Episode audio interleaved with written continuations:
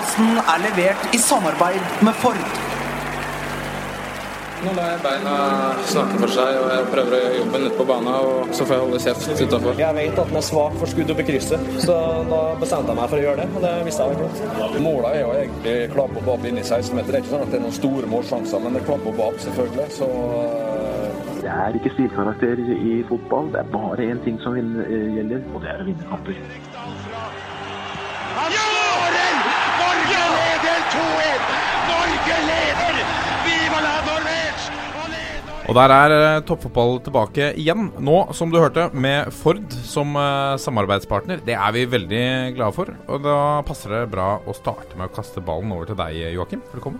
Tusen takk for det. Du sitter jo med toppfotballs egen Ford-trøye denne uka. Det er, eh, altså, vi har fått for egen drakt, Ja, altså Det er to uker siden jeg var her sist. Og da jeg kom inn eh, lokalet her, så så jeg denne nye, nydelige toppfotballdrakten ligge på en stol.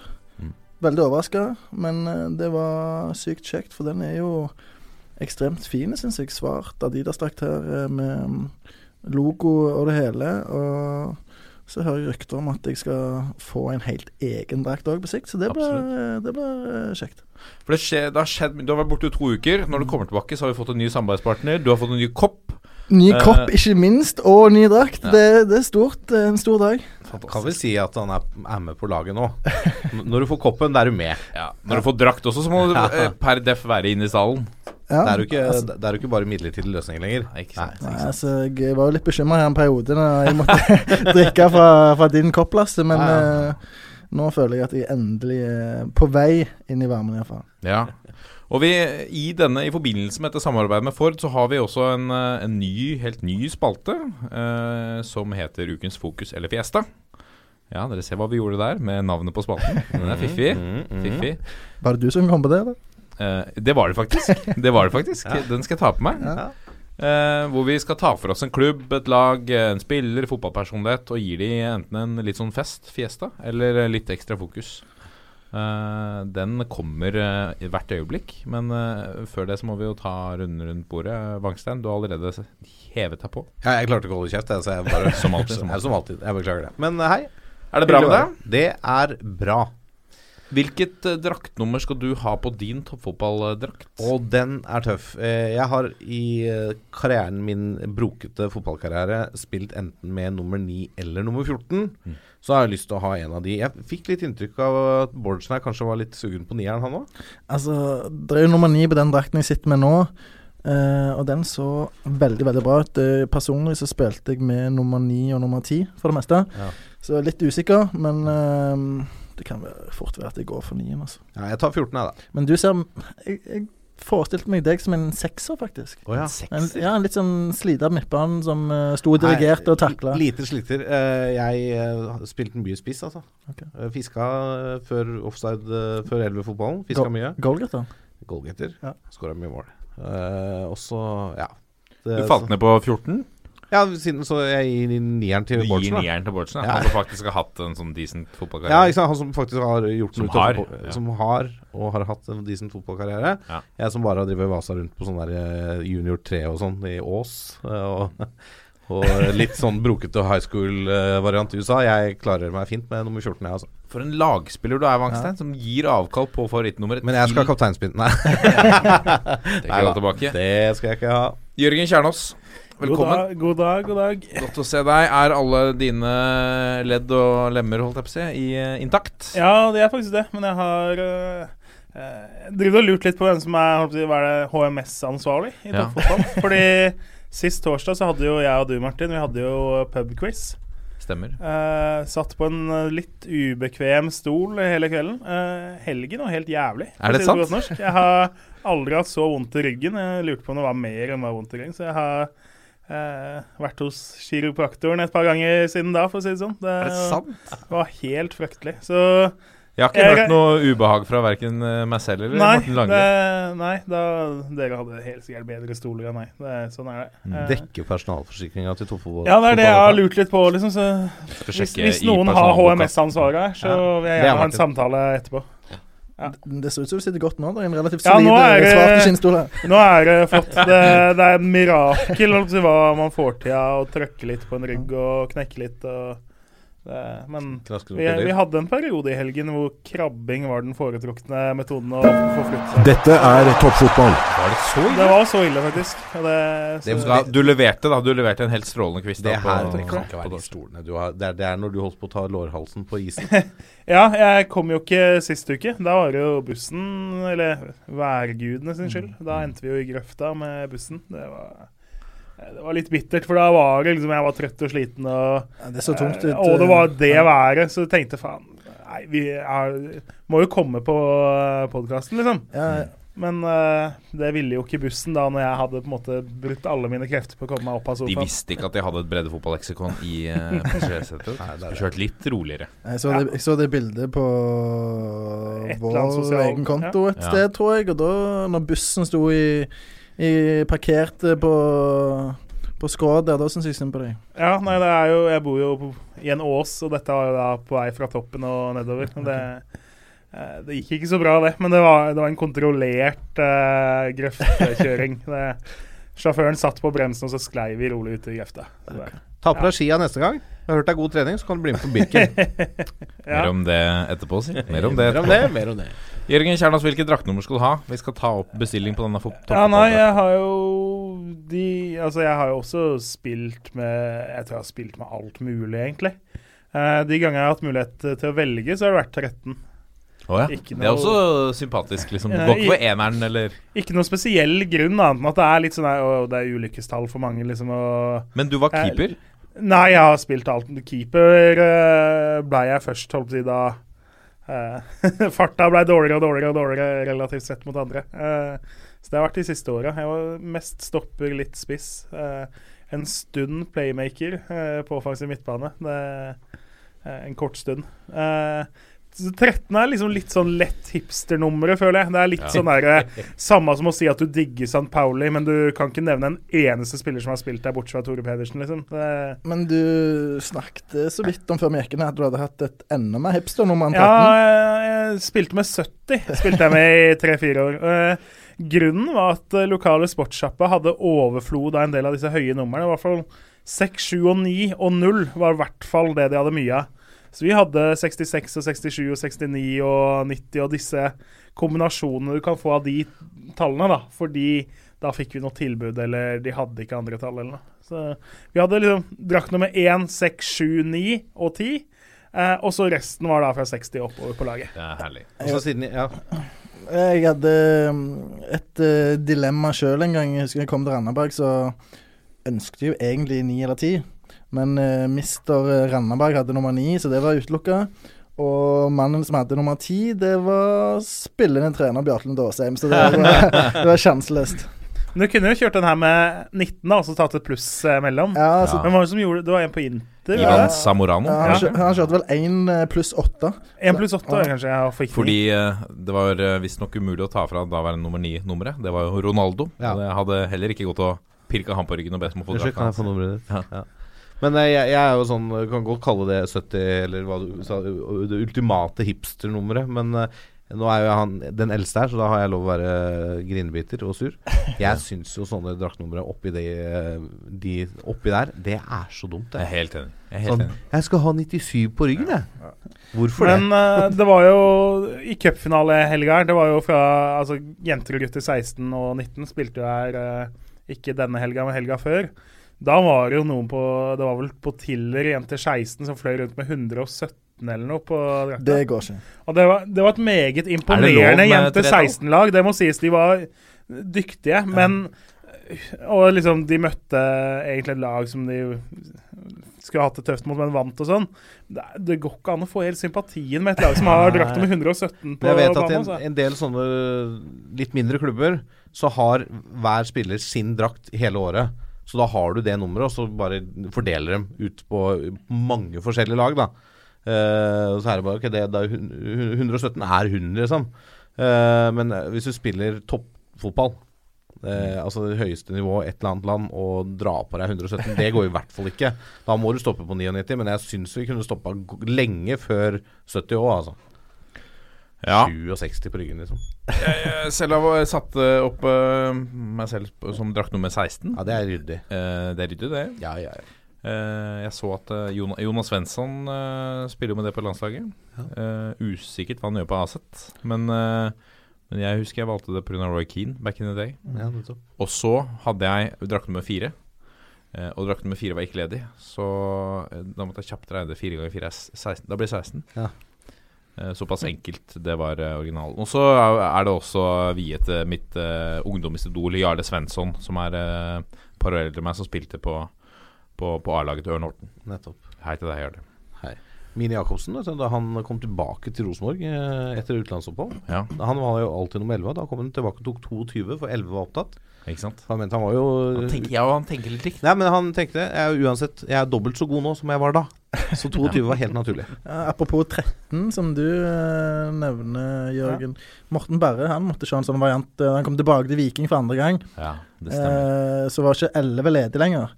Og da ble til og med um, oppmannen satt ut. Jeg tror det var en kamp bort mot Molde der uh, oppmannen førte Berre opp som nummer 11, som han hadde vært før. Men han var nummer 13. Og da husker jeg ikke om det endte med poengtrekk, men det var nært iallfall. Ja, stemmer det. Nummer 13, da. Brian McClair, husker jeg. Det Ja, eneste jeg hadde- Yisung Park. Mitt beste øyeblikk med, i fotball noensinne omtrent, hvor jeg har vært på banen Jeg hadde fryktelig langt hår eh, før, tro det eller ei. Jeg spilte da med hårbånd og liksom sånn dratt bakover. Eh, og var for en type. Ja, og var glad i Milan, da. Eh, og Nesta var liksom Han hadde jo drakt nummer 13. Eh, så spilte vi en cup i Sverige, eh, og da var jeg dritgod i én kamp. Eh, sannsynligvis eneste kampen hvor jeg har vært dritgod. I, eh, og da var det en svensk eh, En på det andre laget som meldte at faen, han eh, oppfører seg jo som Nesta. Og det husker, altså, jeg husker det en dag i dag. Det er, Du da- lever på det ennå? Det er 16-17 år siden, men det, det lever jeg på ennå. Selvskryt, det er digg, ass. Nei, nei, nei. Men vi må ta med oss de Det er lov, det. Det er eh, lov. komplimentene vi får. hæ? Ja, ja, absolutt. Å, ja. absolutt Det er ikke så mange av de, si. Apropos eh, komplimenter, kan ikke du gi oss eh, litt ratings? Så eh, apropos selvskryt. Ja. Ja, da har vi kommet til dagens eh, spalte av selvskryt her i Toppfotball. Vi skal til ratings. Rolig tilbake. Ja. Vi har fått to siden sist, Oh, etter et par ukers tørke, så det er hyggelig. veldig bra. Den første er fra Pita spørsmålstegn. Mm. Ja takk. Eh, fem stjerner. Alt du trenger å vite om eh, norsk fotball, eh, komma prikk, prikk, prikk. Min favorittpodkast om norsk topp- og breddefotball. Bra opplegg, imponerende kunnskap og interessante diskusjoner. Når det i tillegg er så bra gjester, så blir det hele veldig underholdende. Ja, det er hyggelig. å høre. Trivelig. Hyggelig å høre. Og så er det Keiser Titus som, gir oss, som skriver nydelig overskrift, også fem stjerner. Best på norsk fotball. Har tatt et nytt steg etter at Bårdsen kom inn. Oi, se det. Bårdsen Kan vi tolke det at det er Titus Bramble eh, som er idolet til keiser Titus, eller er det Eller er jeg for dårlig på altså, historie? Jeg, håper, jeg håper ikke det, i hvert fall. Det var, Er ikke du Newcastle Jeg er Newcastle-fan, jo, men det er jo, må jo være en av tidenes dårligste Newcastle-spillere. Han skåret mer selvmål enn han uh, slo uh, Enn han traff med pasninger. Det er helt riktig. Vi eh, har litt av hvert på lur eh, i dagens sending. Nå eh, Hvert øyeblikk skal vi innom ukens fokus. fest, fiesta eller Fokus. Vår splitt nye spalte. Deretter skal vi kåre eh, toppfotballs ligamester i Fantasy. Eh, I pulsen skal vi se nærmere på Norge-Brasil, selvfølgelig. Eh, blant annet. Og et, en sammenslåing mellom Mo og Solkameratene. Eh, Per-Mathias Høgmo og en eh, ny spennende trener på, eh, for Skjervøy i tredje divisjon. Vi skal sette opp årets lag i Eliteserien 2017, se om vi blir enige om det. Ehm, og eh, vi skal også kåre årets trøn. Dvs. Si vi skal ikke kåre, vi skal komme opp med tre kandidater som lytterne skal stemme over og bestemme eh, ut fra det hvem som da blir årets trøn. Så skal vi selvfølgelig innom status på prosjektet Birken 2018 for Saranheim. Hei, hei. Eh, hei, hei. Og til slutt se nærmere på cupfinalen som eh, er uh, denne helgen. Dette er toppfotball. I og med at vi nå har et samarbeid med Ford, så har vi jo laget den nye spalten som uh, tar utgangspunkt i to av bilmodellene deres, uh, som nevnt. Og i denne ukens episode så uh, har vi valgt oss ut ukens fokus, uh, basert på et tips fra en lytter. Hei til deg, Aksel Helmersen. Uh, han skriver Hei gutter, takk for flott pod og nydelig tidsfordriv. Kan dere ikke snakke litt om den jobben Kåre Ingebrigtsen og Rosenborg har gjort de siste tre årene? Var ikke gitt at det skulle gå slik da han signerte som caretaker sommeren 2014.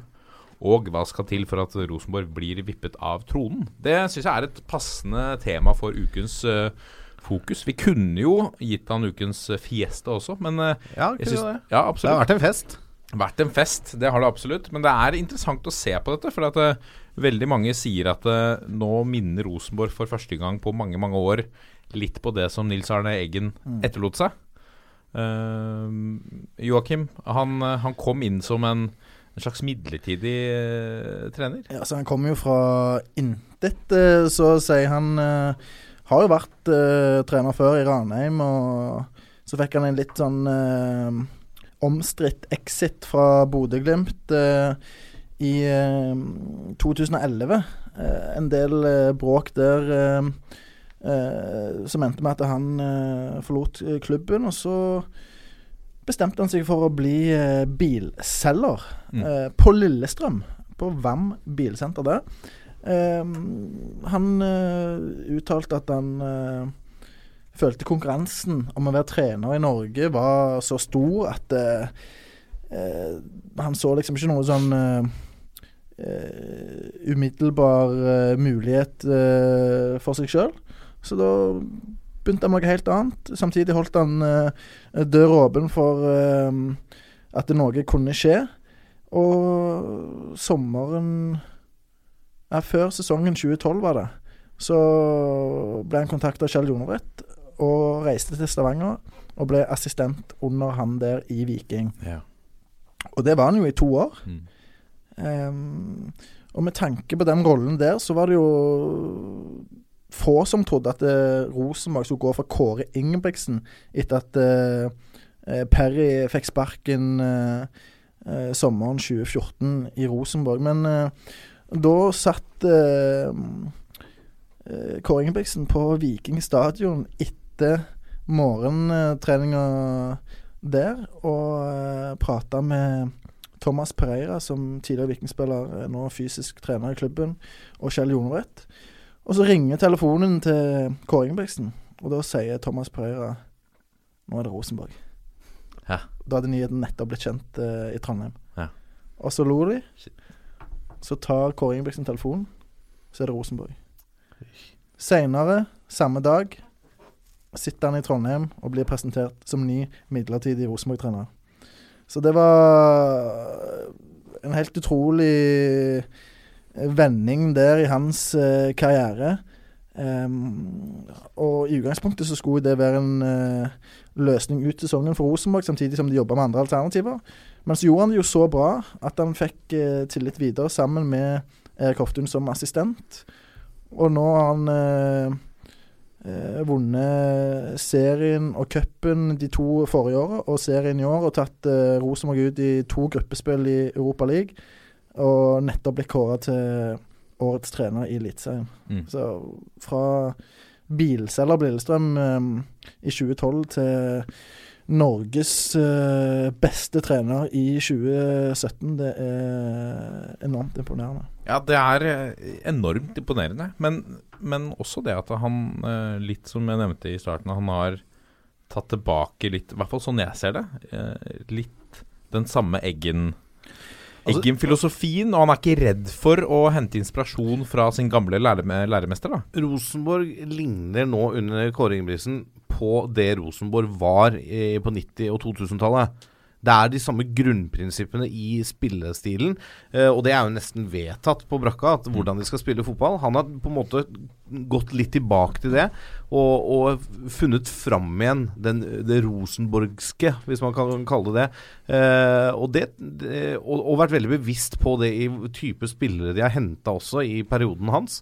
Så det, det tror jeg er eh, veldig stor bidragsyter til at det, han har hatt såpass suksess som han har hatt. Han har vært veldig tro mot den gode historien som Rosenborg har. Eh, og så har han jo også brukt Eggen som eh, sparringspartner, mentor. Eh, og vært veldig åpen på det, at det er naturlig å bruke den kunnskapen som eh, gamlefar sjøl sitter på. Og så kommer det jo store ord ut fra Rosenborg-leiren òg. Sånn som Mike Jensen, og etter at Kåre Ingebrigtsen fikk denne prisen, så sier han at uh, hvis jeg skal bli trener en dag, så vil jeg bli sånn som Kåre Ingebrigtsen. Mm. Og det sier ganske mye, syns jeg. Ikke sant? For en referanse. Ja, sant. Og, og det har med Én ting er at alle vet sin rolle i laget, både på og utenfor banen, hva de skal gjøre eh, med uten ball, men òg den eh, typen han er som person. Eh, så fremstår han jo som en veldig inkluderende mann som eh, eh, har en god tone med spillerne, og som forstår de ulike karakterene, da, som f.eks. Niklas Bentner, som trenger å bli sett eh, for det han er, og, og de eh, eh, behovene han har. da. Eh, og det har jo Kåre Ingebrigtsen klart på en fantastisk måte. Mm. Så er han jo en mann som aldri kommer til å vike fra det 4-3-3-systemet sitt. Det har han jo òg eh, sagt eh, til andre klubber før, at det er ikke aktuelt. Og så da når han får muligheten i Rosenborg, så, så har jo de eh, passet ekstremt bra sammen. Og samtidig så så må jo ikke noen av oss glemme den karrieren han hadde som spiller heller. Vært i Manchester City sant? Og, og opplevd mye. Det er jo en, en uh, mann som uh, som har levd for fotballen hele livet sitt. Mm. eh, Hadde ikke så mange kamper for City på, på to år. eh, Nei. 15 seriekamper eller noe Ja. rundt der. Men allikevel. Eh, det, Eventyr. sier litt om hva nivået han har vært på. Ja, ja, absolutt. Og eh, også levert på norske landslaget, selv om han var ikke en av de eh, som, har vært mest regelmessig innom der. Jeg husker ikke hvor mange kamper han har. 23 kamper, én scoring. Eh, men han var jo en midtbanespiller også i den perioden vi hadde veldig mange på midtbanen. Ja, han var, det var sterk konkurranse der. Yes. Uh, og så har han vel også uttalt at det er kun én klubb det er aktuelt for han å ta annet enn Rosenborg nå, og det er jo City. Mm. Har du sagt det, ja? ja, det er sa han ganske nylig. Det er et fint overskriftssitat. da Hadde Ja. Barcelona ringt i morgen, så tror jeg ikke han hadde sagt nei. Nei, han hadde ikke det. Det er klart det. Men uh, han har jo òg fått uh, Om ikke tilbud, så har det vært interesse fra andre klubber i utlandet. Det har uh, han vært åpen uh, om. Uh, men nå har han vunnet serien tre år bra med Rosenborg.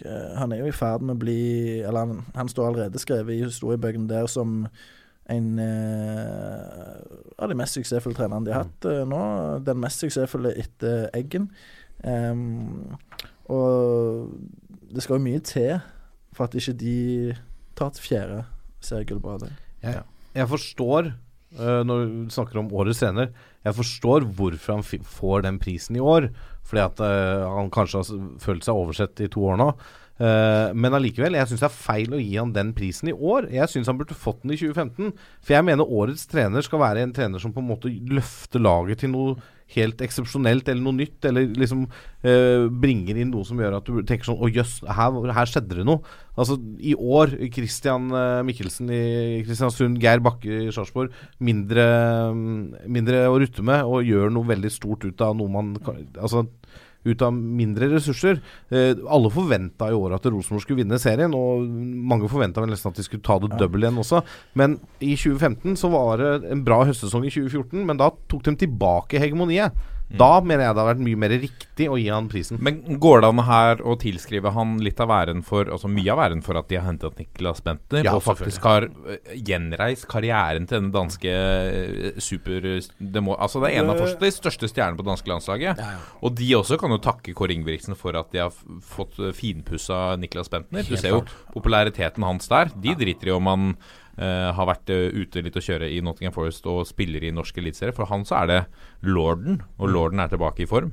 Han uh, gjorde jo noe veldig riktig i sommer, da han på en måte valgte å stå skikkelig ved Bentner. For da var jo Williamson i superform og skårte uansett om han kom inn som innbytter eller spilte kant eller spilte midtbane. Uh, Bentner skårte jo nesten ikke en periode der. Eh, og Bentner var jo litt sånn Han hadde ikke helt funnet plassen sin i RBK-systemet da. Han var litt feil plassert i forhold til hvor han eh, helst skulle vært, og hvor han faktisk har vært nå på høsten. da Uh, så det at Kåre på en måte gikk ut og støtta han 100% og sa at han starter kamper på topp, istedenfor å begynne med sånn der vi får se på trening hvem som er best, og bla, bla, bla, og kamp for kamp og sånn. Da tror jeg en type som Bentner kanskje hadde blitt usikker. Ikke sant, OK, nå får jeg mer press på meg, men han trengte sannsynligvis den der lille backupen som han fikk, da, og fikk tilliten og veit at han får starte. Ja, Eh. I, I høst så har jo Bentner vært eh, eksepsjonell. Eh, endelig så har han på en måte klaffa inn i systemet og vært en matchvinner og vært god. Jeg er helt enig, og samtidig så er jeg uenig med deg, Lasse, i at uh, Kåre Ingebrigtsen ikke skulle få årets trenerprisen. Fordi ja, Bakke eh, har vært god, og, og Kristiansund har gjort det bra, men eh, Rosenborg etter Kåre Ingebrigtsen kom inn der og tok eh, den første dobbelen Tenk på spillerne han har mista. Ja. Ole Selnes, toppskårer Alexander ja. Søderlund, toppskårer Christian Gytkjær, Jonas Svensson. Jonas Svensson, Fredrik Midtsjø. Ja. Det er jo eh, sinnssykt gode spillere i eh, eliteseriemålestokk. Men han har jo henta bra erstattere. Det må Selvfølgelig. jeg si. Og det Men- har de penger til. Men, men selvfølgelig, selvfølgelig. Og tidenes signering i Eliteserien i, i Niklas Benter, ja. Men du skal få disse typene til å fungere. Helt klart, men det jeg mente, var at eh, han burde vunnet den i 15. Og da er det ikke sikkert han hadde vunnet den i år. Det, det kan jeg mene. Han får jo den som samlepris uh, nå, Ja, fordi det- det han ikke sånn har vunnet det de to siste åra. Eh, Ja, hadde han ikke fått den i år, så syns jeg det Hadde var, han- ja, da Ja, hadde er bare lagt ned den prisen. Hadde han vunnet i fjor, så hadde en annen fått den i år. Da hadde Bakke eller Michaelsen Ja, og det, det, er, det poenget mitt, da. Så han får den for Mikkelsen. tre Mikkelsen, Ja. Jeg, jeg syns det er nesten Altså, jeg skjønner jo at Kåre vinner. Men jeg syns fortsatt det er sykt at Geir Bakke ikke får den. Hvis du ser på burt... Altså, OK, at Sarpsborg har gjort en bra jobb Jeg vil sette Christian Mikkelsen Nei, over. Nei. Det, se på budsjettabellen. Altså, Sarpsborg ligger nedi der på budsjettabellen. De har bare vært dødsgode på å bygge et lag. Det er greit at det er ikke kun ba Geir Bakke sin fortjeneste, men det her, eh, årets trenerpris er jo En en årets prestere best-pris, Ja, eh, som går da til et ansikt. Tredjeplass med et budsjett som er nesten nedrykksbudsjett, og kanskje cupgull på søndag. Det, det er bedre enn sjuendeplassen til Kristiansund, som også for all del er en terningkast fem pluss-prestasjon. Jeg har ekstremt sansen for Geir Bakke, men da mener jeg han måtte delt den prisen med Thomas Berntsen samtidig. Ja, for det er han ja. som i stor grad har uh, satt sammen dette laget, selvfølgelig med Bakke, med tanke på at de skal ha spillere som tåler ekstremt mye trening uh, osv.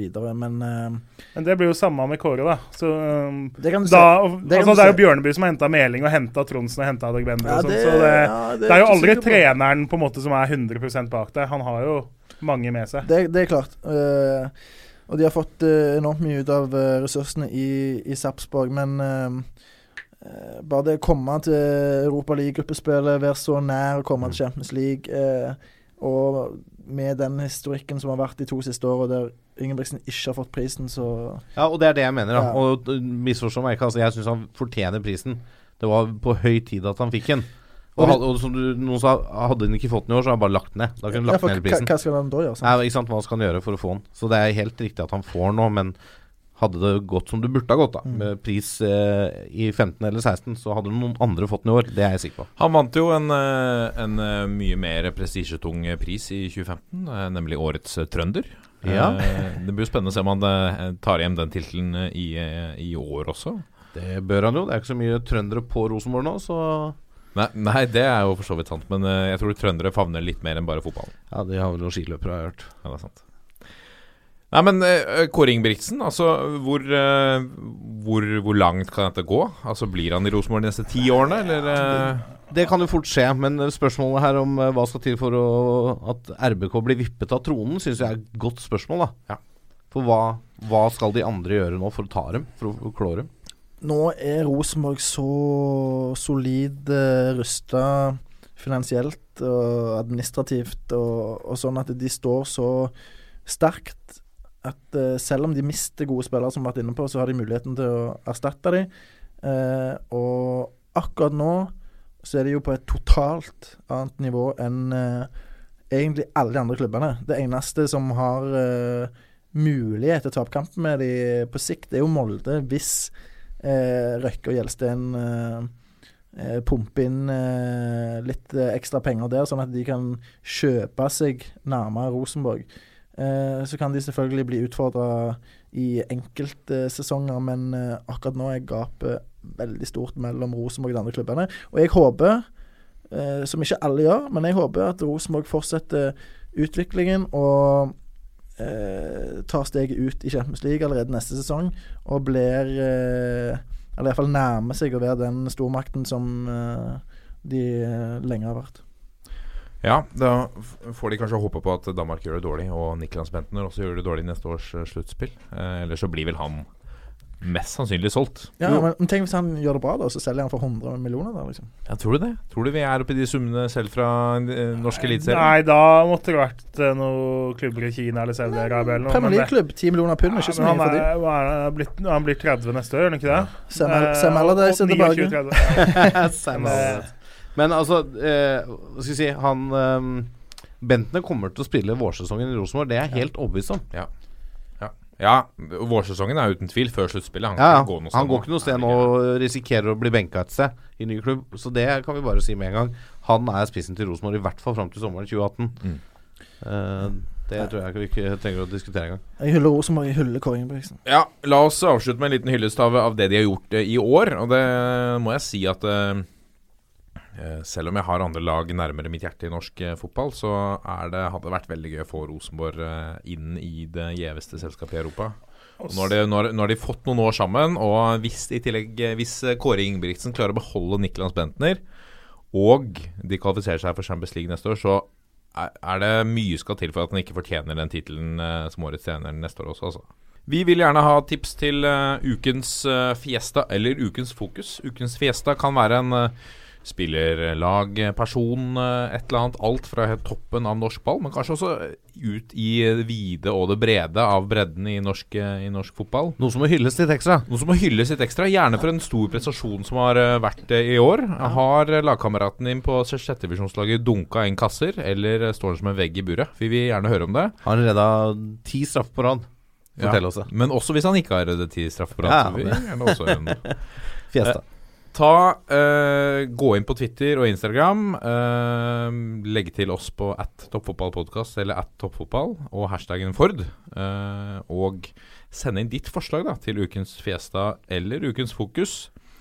Uh, Så trekker vi ut en vinner av dette, og, og en av vinnerne får eh, Eller altså førstepremien her eh, frem til jul er eh, en pakke som består av en Ford paraply, en Ford Heritage-klokke, en Ford Performance-kopp og selvfølgelig denne toppfotballdrakten, som er jo eh, Det er en gjev, eh, er en gjev premie, denne pakken her. Så den, den premien er rett og slett stas? Stas, ja. Om det er stas. Jeg lurer på, kanskje hvis jeg oppretter en sånn falsk uh, sosiale mediekonto, kommer det noen tips og vinner, kanskje? Kan Er Det det blir jo litt småpinne da, hvis du skal møte opp og uh, motta premien. Altså, liksom Nei, det var naboen som uh, vant, så jeg vil bare hente den for den. Kom med liksom parykk og later som du er den ukjente halvbroren til Lasse Wangstein eller et eller annet. Det, Nei da. Det, det, er, det er kjempepremie. Og vi må, kan jo si at uh, Aksel Helmersen Han er jo i førersetet akkurat nå. Absolutt. For strålende tips til ukens fokus. Veldig godt tips. Så send inn. Legg inn hashtag Ford og at eh, Hva heter det for noe? Tagg oss, heter det. Tagg oss. Tagg tofffotball toppfotball på Twitter. Eller nevn oss. Eller, ja. Mm. Ja, ikke sant? Dette er toppfotball. Og da er vi kommet til eh, Fantasy Manager-spalten. Denne elsket og hatede spalten. Årets siste for de som hater det. Årets siste, ja. Eh, nå er det lenge til dere hører om dette igjen. Eh, men vi må jo selvfølgelig For vi har hatt denne toppfotballigaen, så vi må jo kåre en, en ligamester. Eh, og det har vært eh, tett i toppen i mange runder, men eh, i forrige uke så så vi at det skulle bli tøft, tøft for, for de helt i toppen. Men til slutt så ble det bare syv poeng som skilte, skilte andreplassen fra førsteplassen. Uh, Anders Jensen med sitt ball i korridor FK lå uh, lovende godt an på en andreplass, men til slutt så var det Jørgen Elland og hans FC-FC som stakk av eh, med seieren i toppballigaen. Det er en eh, applaus. Er En ligamester! Er ligamester Jørgen. Jørgen Elland. Hadde vel ikke vunnet på navn? Nei, det må vi kunne si. ja, Svar. nå snakker vi lagnavn. Jeg trodde Ja. det var noen grove fornærmelser. Nei, nei, ikke av Jørgen. Nei, nei, nei. Ja, Lagnavn, det. Jeg syns jo Paralympiakos er fin på femteplass. Den er meget sterk. Men Eh, eh, nei, det Altså Ball i korridor og FCFC har jo vært der oppe i hele, i hele har vært sesongen. stabile. De har vært stabile i toppen. Eh, ikke en overraskelse at de stikker av med toppfotballtrofeet, som i dette tilfellet er treningsjakka til Bjørn Hansen fra VM i 98. ja. Ball i korridor, han hørtes litt kynisk ut, syns jeg. ja. Det er kanskje bra. Ja, Anders er sterk. Så- Han har ligget eh, jevnt eh, opp på toppen der. Eh, så ser jeg på denne topp 10-listen eh, Skal vi gå gjennom topp 10-listen? På tredjeplass, hederlig pallplass til søndagslaget med Eirik Malm. På fjerdeplass Hellerud Homeboys, Eirik Medbø. Og på femteplass Paralympiakos, Thomas Ramsjilovic.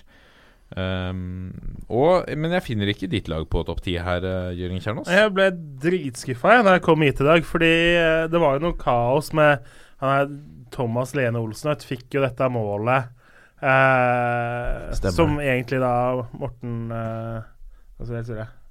Gams Pedersen? Nei, det var ikke Gams Pedersen. Magnus Andersen var det. Ja. Som er, jeg, så- så var ballen så vidt via sveisen til Lene Olsen. Han har jo sånn der halvkilo med gelé i håret som liksom Hør her, da. Hør her. Så han fikk jo dette målet dagen etter, og det var noe andre For jeg sjekka den kvelden. Jeg sjekker jo ikke dette veldig ofte.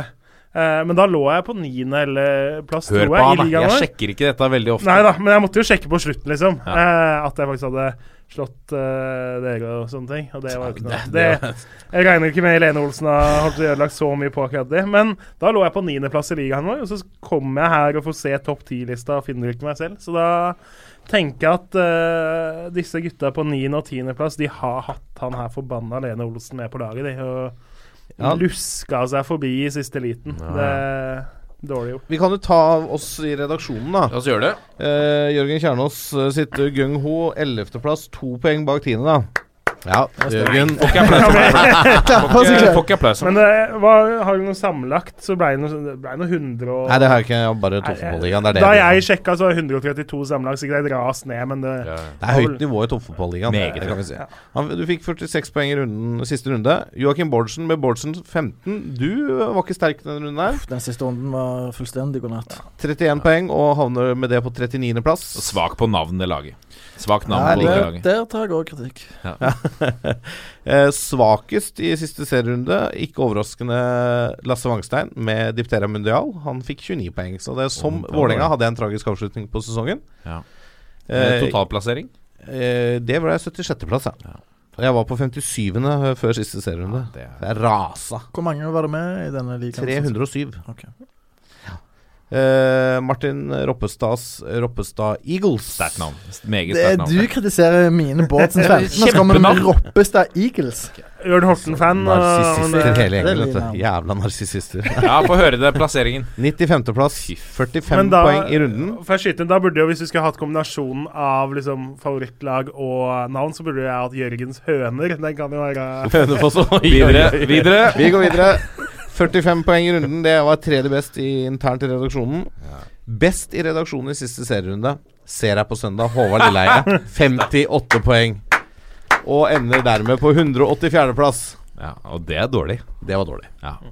Han uh, har ikke fulgt med så godt. Han har ikke fulgt med en døgn. Men, Men- problemet med fancy er at selv om du følger med, Ja. som f.eks. Premier League-fancy nå, som jeg følger med på, Ja. Så går det til helvete. Vi driver ikke reklame for andre ja. fotballigaer men Nei. altså, nå har det jo faktisk gått rimelig greit i uh, den norske fansien, da, så sånn sett så har jeg fått uttelling der, men, ja, men det nytter jo ikke å, å følge med. Du kan heller bare velge et lag og la det stå. Ja, Ja, det- det, det- var jo det jeg gjorde i 18 runder. Og da eh, jeg, jeg burde jo sjekka Jeg fant ut at etter åtte eller ni runder så lå jeg på 24.-plass i Norge. Det er jo da jeg burde ha vært inne og sjekka. Så jeg angrer. Men eh, når jeg da ender såpass Jeg endte jo da 140 eller et eller annet sånt i Norge. Jeg får fått sjekka nå. Eh, og det er ti som slår meg i ligaen vår, da. Eh, og et par av dem gruser meg jo. Han er Jørgen Einan med 1628. Han må være ganske høyt opp i Norge da. Det er ikke så langt unna topp ti i Norge, det da. Sannsynligvis ikke. Sannsynligvis ikke. Med andre ord, det er ganske høyt nivå på toppfotball-fantasy-ligaen. da. Yes. Vi må jo da ha i hvert fall tipper jeg, seks-sju av disse gutta oppe topp 100. Ja. Ja, det er. Eh, og det er imponerende. Det er bra lyttere vi har. Vet. Meget bra. Eh, Eventuelt så kan det, det kan ha vært at eh, Vi vet jo ikke om Jørgen Elland er en av lytterne. Hvis du er det, Jørgen, ta kontakt. Um, kan hende han bare er vært med for å sikre seg. Han har hørt rykter om at Bjørn Hansens treningstøy Ja. er å sirkulere på internett. Men han må i hvert fall ta kontakt, sånn at vi får adressen hans. Yes, gjør det. Toppfotball uh, at 451.no. Send en e-post med adresse, så sender Roppestad en eh, postpakke til deg. Postpakke. Pakkepost Men med hvis vi er merket, ferdig med, merket uh, Bjørn Hansen, Ja. faktisk. er vi ferdig med fancy for i år, da, eller? Det er vi. Det er Men vi. vi kan faktisk se fram mot neste år òg. Ja. Da er det varsla at uh, Jeg var litt usikker på Er det en spøk, liksom intern sånn spøk på Hedmarken som jeg ikke helt skjønner. Bondeligaen, det vil altså si fjerdedivisjon uh, Indre Østland, uh, altså Hedmark, har varsla at eh, de jobber for å få en fantasy-variant eh, for denne serien. Ja, det ble meldt på Twitter her for noen uker siden, og det Uh, Jeg er usikker på om man klarer å slå de med lokalkunnskap der, men Uansett. et lag må i hvert fall eh, plukkes da eh, til Bondeligaen. Jeg, jeg utroper herved Jørgen Kjernås til vår Bondeliga-representant. Ja, enig. Men det må vi, det må vi være med på. Dette Det er verdt å i hvert fall følge litt med på. Det er jo altfor mange måneder til det blir aktuelt igjen å snakke om. Men uh, vi, jeg håper det som sagt var reelt, og ikke noe sånn humor som jeg ikke tar. Nå kommer pulsen. Og Kjetil Rekdal fra Han skårer! Norge leder 2-1! Norge leder! Viva la Norvège! Og led Norge! Og lyden av, eh, av skeie og, og Det er frysninger. Det er frysninger. Og eh, spørsmålet frem og tilbake mellom Skeie og, og din far, eh, Jørgen. Er det straffespark? Ja, det er det. Er det straffespark? Ja, det er det. 100 ganger. Det er fantastisk. Altså det, er, det er en norsk idrettshistorie. Og det er, altså det er jo et av de største idrettsøyeblikkene i Norge, mener jeg. da Ja, vi, er, vi er kommet til pulsen, forresten. Men, ja, eh, hei, ja, pulsen. hei, pulsen. Dette er Eh, ukens puls. Dette er ukens puls. Uh, det er jo det. Det er 20 år siden neste, til, Altså Når vi passerer nyttår, så er det 20 år siden. 23, Yes. 23. juni Ja. var datoen. Eh, det var altså Som du sier, det er gåsehud, og eh, det er så god stemning. Eh, og ja, og, minnes. Og nå er det altså nesten 20 år uh, Det er nesten 20 år siden da i, i uh, den 9. juni.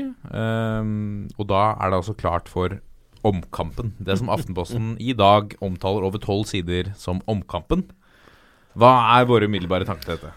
Nei, altså det Hva var det du kalte det, Jørgen? Klassisk overtenning. Klassisk overtenning av Aftenposten. Det er altså tolv sider om en omkamp 20 år etter med en gjeng eh, avdanka og eh, hva skal vi si fotballpensjonister som skal lunte rundt på Ullevål-matta for å prøve å gjenskape dette øyeblikket. Det er altså Med fare for å virke negativ, jeg syns at dette kanskje er litt overkill. Hva?! Jeg ser selvfølgelig greia. Det er en, det er en gøy gimmick.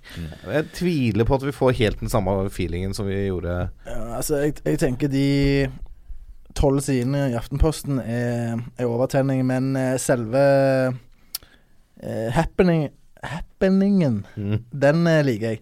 Eh, veldig bra initiativ, og det ble jo kult å se eh, gutter som eh, Ronaldo eh, Bebeto. Bebeto, Taffarel, Cafu og Grodos. Junior Baiano, gjerne. sant? Ja, ja, På ja. Ullevål eh, neste sommer. Forhåpentligvis kommer flesteparten av disse her, så det blir, det blir stas, det, altså.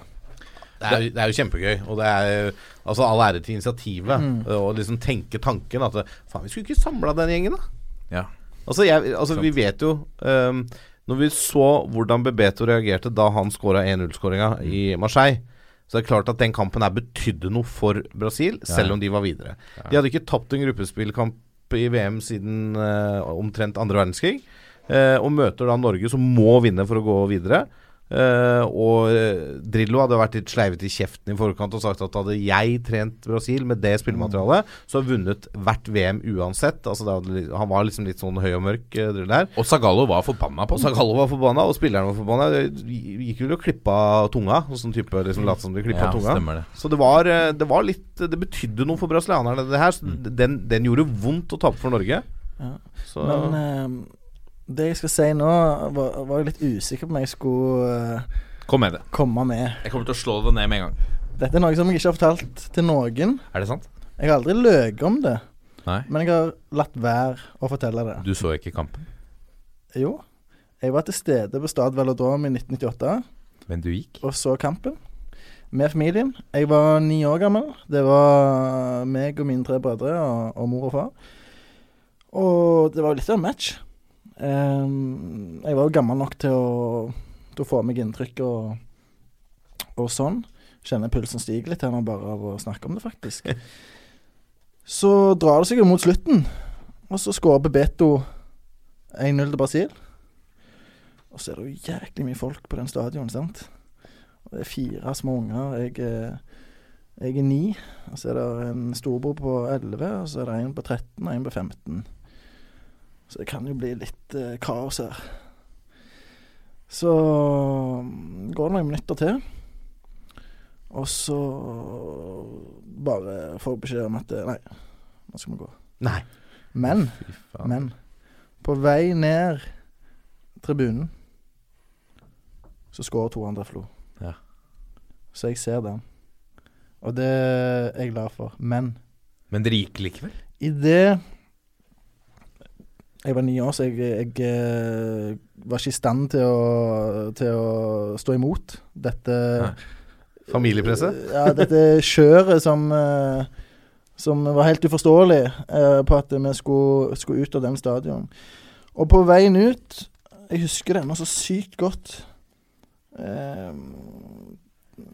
når jeg hadde gått fra Vikingkamper gjerne et par minutter uh, før slutt, så lurte jeg på hvordan går det, hvordan går det. Du hørte gjerne på, på radioen, eller du hørte etter om det kom et jubelbrøl fra tribunen. sant? Uh, så var det gjerne bare en dommerreaksjon folk eh, skrek på. Men her så går plutselig musikken på, da.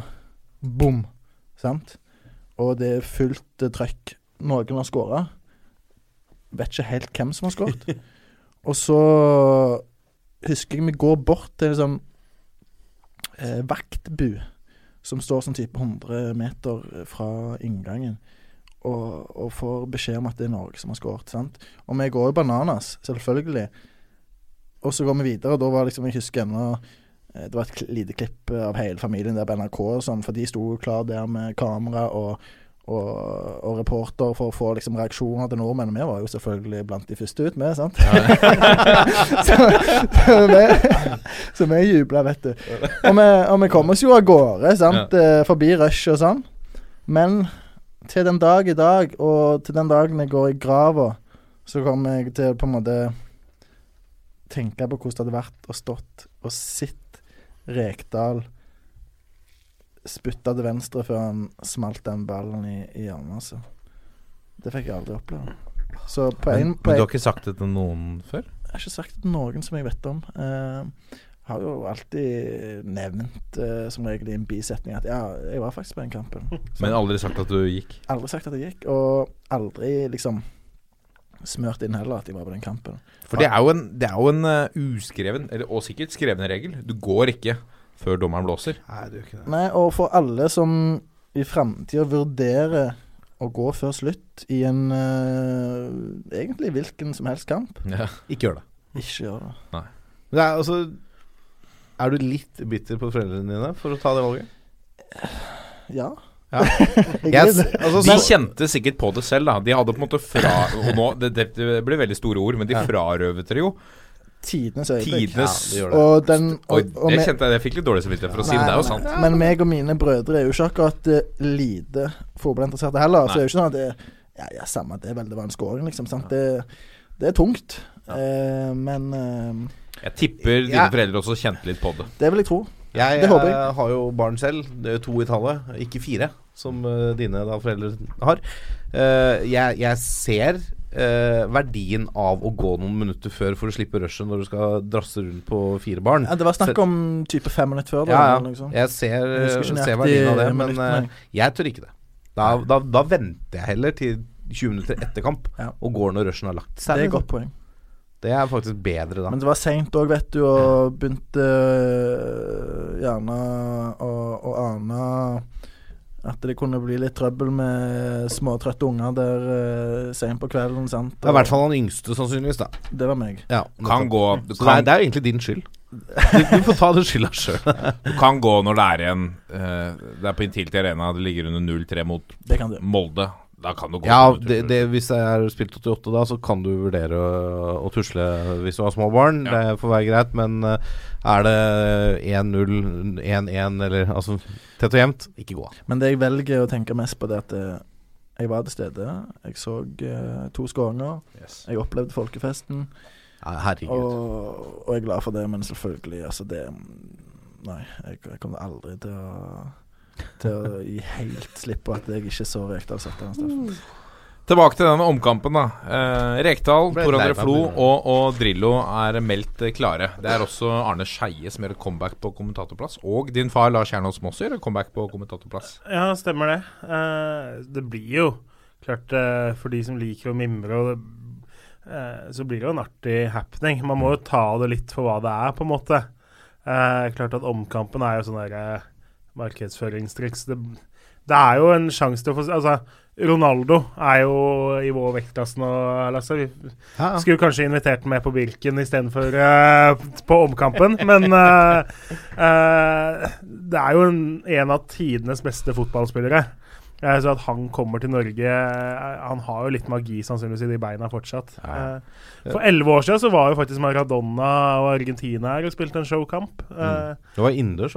I Spektrum. Ja, stemmer. Eh, da, han nå var vel litt samme kategorien som Ronaldo da. At han var jo ikke akkurat i god form, men eh, med ballen i beina så gjorde han jo ting ikke veldig mange i verden kan Jeg vet ikke om du nevnte Frode Grodås. Både han og Henning Berg er vel meldt. Ja, de Dan. Eggen, eh, Dan Eggen. Det, var de, det var vel 13 eh, spillere på Norge eller noe sånt Noe, tror jeg. Som Men der. resten må jo bare si ja. Altså, jeg tenker eh, Roar Strand, da, som fortsatt spiller aktiv fotball, han kommer jo til å herje utpå der. Jeg har hørt Stig Inge Bjørnby òg er klar, og han kommer til å spille der på venstre bekken. Og tipper nå, Jeg har ikke sjekka alle jeg som er klar, men jeg ser for meg at Jostein Flo og Håvard Flo og to andre Ja, det var mye flo der, og Riseth var klar. Ja. Gunnar Solskjær bør være klar. Eh, Ja, Sol, Solskjær eh, Man sliter jo med det kneet, men det bør kunne gå, det, å spille en, eh, en kamp som dette. Men kommer de til å spille full elver, eller flytter de målet opp til 16-meter? Det må være full elver. De må det. Ja, Det kommer litt an på hvor mange som tar turen fra Brasil. Det var vel bare seks eller sju navn der enn så lenge. Ja, det er sant. De Eh, klart Kommer de med ti mann, så er det dumt å spille Men hvem fyller de opp med, liksom? Hvis Men ikke jeg, jeg går ut fra at uh, uten å sjekke dette, at, de har, at eh, Aftenposten og NRK har uh, forsikra seg om at Brasil kan stille lag. Da, for de har jo begynt å selge billetter, rådyre billetter og sådan, oh, ja. uh, til 699 Uh, sann. Og hei sann, ja. Eh, på Ullevål allerede, så Ja, men Det er klart, altså Det kommer sikkert til å bli mye kritikk rundt disse billettprisene. Men som med alle andre sånne showkamper, det koster å hente disse stjernene. Ronaldo er fortsatt ikke gratis. Nei, han har Aldri gratis. vært gratis, Nei, heller ikke nå. Det er ikke gratis å hente han. Han skal flys inn, han skal bo på hotell, han skal bespises. jeg tror ikke han flyr uh, coach. Han flyr ikke økonomiklasse, det er helt riktig. Uh, og skal sikkert ikke bo på et ungdomsherberge heller. Eh, så det er klart, det, det kommer til å koste penger å arrangere den kampen her. Eh, men folk betaler for det, og folk drar, og da er prisene greie, tenker jeg da.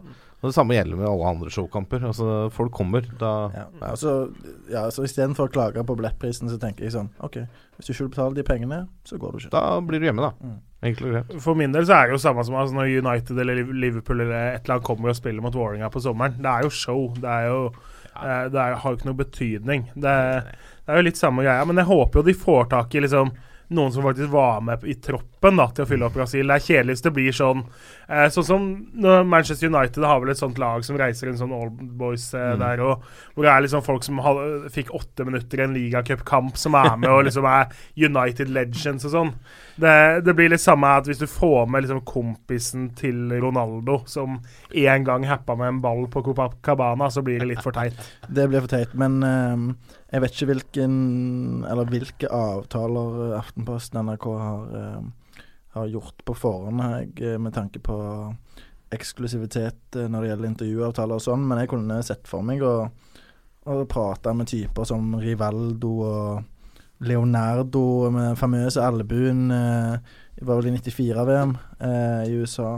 Eh, liksom Bebeto eh, Dida Emerson eh, Liksom Hva har de gjort på siden 98, ja, eller etter de la opp? sant? Det er mange historier her, tipper jeg. Dido har jo filmet uh, fælt i, i Milan, husker jeg. Husker jeg veldig godt han kastet seg over ende, mener jeg husker. Ja, altså så- Rivaldo er vel kjent for en liten filmepisode i et senere VM. Ja, ja, 2002, der hvor han fikk en eh, ball, ball i uh, pleksus, og fikk veldig vondt i hodet. Ja. Så Han har vel også en sønn som spiller fotball på sånn tålelig høyt nivå. Rivaldo. Rival- Kjell Kristian Rike. Kjell Kristian Rike på NRK. Ja. Rivaldo. Nei da, men altså, dette blir jo et eh, Det blir en happening. Det blir uh, Jeg tror jeg kommer til å se den på fjernsyn, faktisk. Fordi jeg vil få med meg med Skeie og Kjernås. Ja, det er jeg helt enig. Eh, sorry, Aftenposten, men, uh, men jeg kommer til å foretrekke det. Ja, jeg tror ja, Jeg har også lyst til En å høre. fest blir det uansett. Ja da, det er en fest. Det er, det er en fotballfest. Det er gøy. Vi hyller det. Vi skal videre til uh, en annen sak som du har eh, brakt på bordet, Kjernås. eh, fordi, hold dere fast, Mo og Solkameratene slår seg sammen. Yes, og dette er jo eh, Det ble jo klart eh, Vi spiller inn nå på torsdag kveld. Dette ble jo klart onsdag kveld. Eh, ikke uten dramatikk. Det er fersk, fersk news. Eh, og det er litt sånn Jeg mener jo eh, Som ikke har noe tilhørighet eller noe følelse for Mo i Rana. Sorry, Mo i Rana, men eh, det, det er ikke noe kjærleik. Det er bare en, det er en by. De har to lag som har vært jevngode. Eh, eh, eller jevnmiddelmådige, må vi nesten kunne si, da. Og, og så lenge jeg kan huske. Veksle på å spille, eller rykke opp og rykke ned, og av og til møtes de. Og de har liksom ikke fått skapt noe ordentlig, da. Eh, hvis de faktisk har lyst til å ha et lag som er høyere opp enn at de rykker mellom tredje- og fjerdedivisjon eh, annethvert år, eh, så må de forene krefter. Det er en by hvor det bor rundt 20 000 eller, eh, innbyggere. Eh, da har du ikke råd til at to lag skal kjempe om de samme spillerne, samme sponsorene, samme trenerne osv. Det går ikke. Eh, så sånn sett utenfra så må jo sånne klubber slå seg sammen hvis de faktisk vil ha et lag som kanskje kan komme opp i andredivisjon, da. eh, med tid og stunder. Uh, Ja, for er det målet her? ja, de har satt opp en ganske grundig plan for at de skal liksom opp i allnorsk liga og sånn. Uh, det som jo endte med på den avstemninga, det var to eh, forskjellige alternativer. Uh, og grov jeg, har, jeg har prøvd å lese meg opp her, og det Grovt- står mye om alternativ A eller alternativ B. Ja, og Da må du jo selvsagt lese disse planene, da, Martin. Det var vel en 24 sider eller noe sånt der, som uh, noen leste når vi egentlig skulle sovet. Men grovt sett, alternativ A, slå sammen hele klubben nå. Bli FK Mo i Rana, liksom der. Det stemte vi for først. Det ble nedstemt. Og det er stort sett Stålkameratene-sida som har vært mest liksom, mot her. Eh, det kan jo ha noe med at de nå skal spille tredjedivisjon neste år, mens Mo skal spille fjerdedivisjon. Ja. Eh, alternativ B var da slå sammen opp til 16-årsklassen nå, og så vente med junior- og A-lagsfotball til 2019-sesongen. Eh, det ble stemt gjennom eh, hos Stålkameratene med én stemmes overvekt eh, for det. Så det betyr jo at konsekvensen er jo litt rar, da. Nå skal Stålkameratene i 2018 spille tredjedivisjon. Mo skal spille fjerdedivisjon i 2018. Eh, jeg mener det er stor sjanse for at Stålkameratene rykker ned fra den avdelinga de eventuelt havner i. Eh, vi veit jo ikke hvilken avdeling det er, men fire lag rykker ned. Det er vanskelig å se at ikke Stålkameratene er en klar nedrykkskandidat. Mo skal få det tøft med å rykke opp. De havner bl.a. sammen med Bodø-Glimt 2, som virkelig de vil ha opp laget sitt. De tapte jo den duellen mot nettopp Stålkam i år, da. Eh, nå kan f.eks. Endre Kupen bli å finne på banen i ganske mange av de kampene. Eh. Bodø-Glimt 2 er klar favoritt der, og så har du Sandnessjøen og Mosjøen som også skal kjempe der. Så eh, konsekvensen blir jo at høys Eller det er mer sannsynlig at både Stålkameratene og Mo er fjerdedivisjonslag om et år, da. Mm. Det vil jo si at da samarbeidsklubben må starte i fjerdedivisjon i 2019.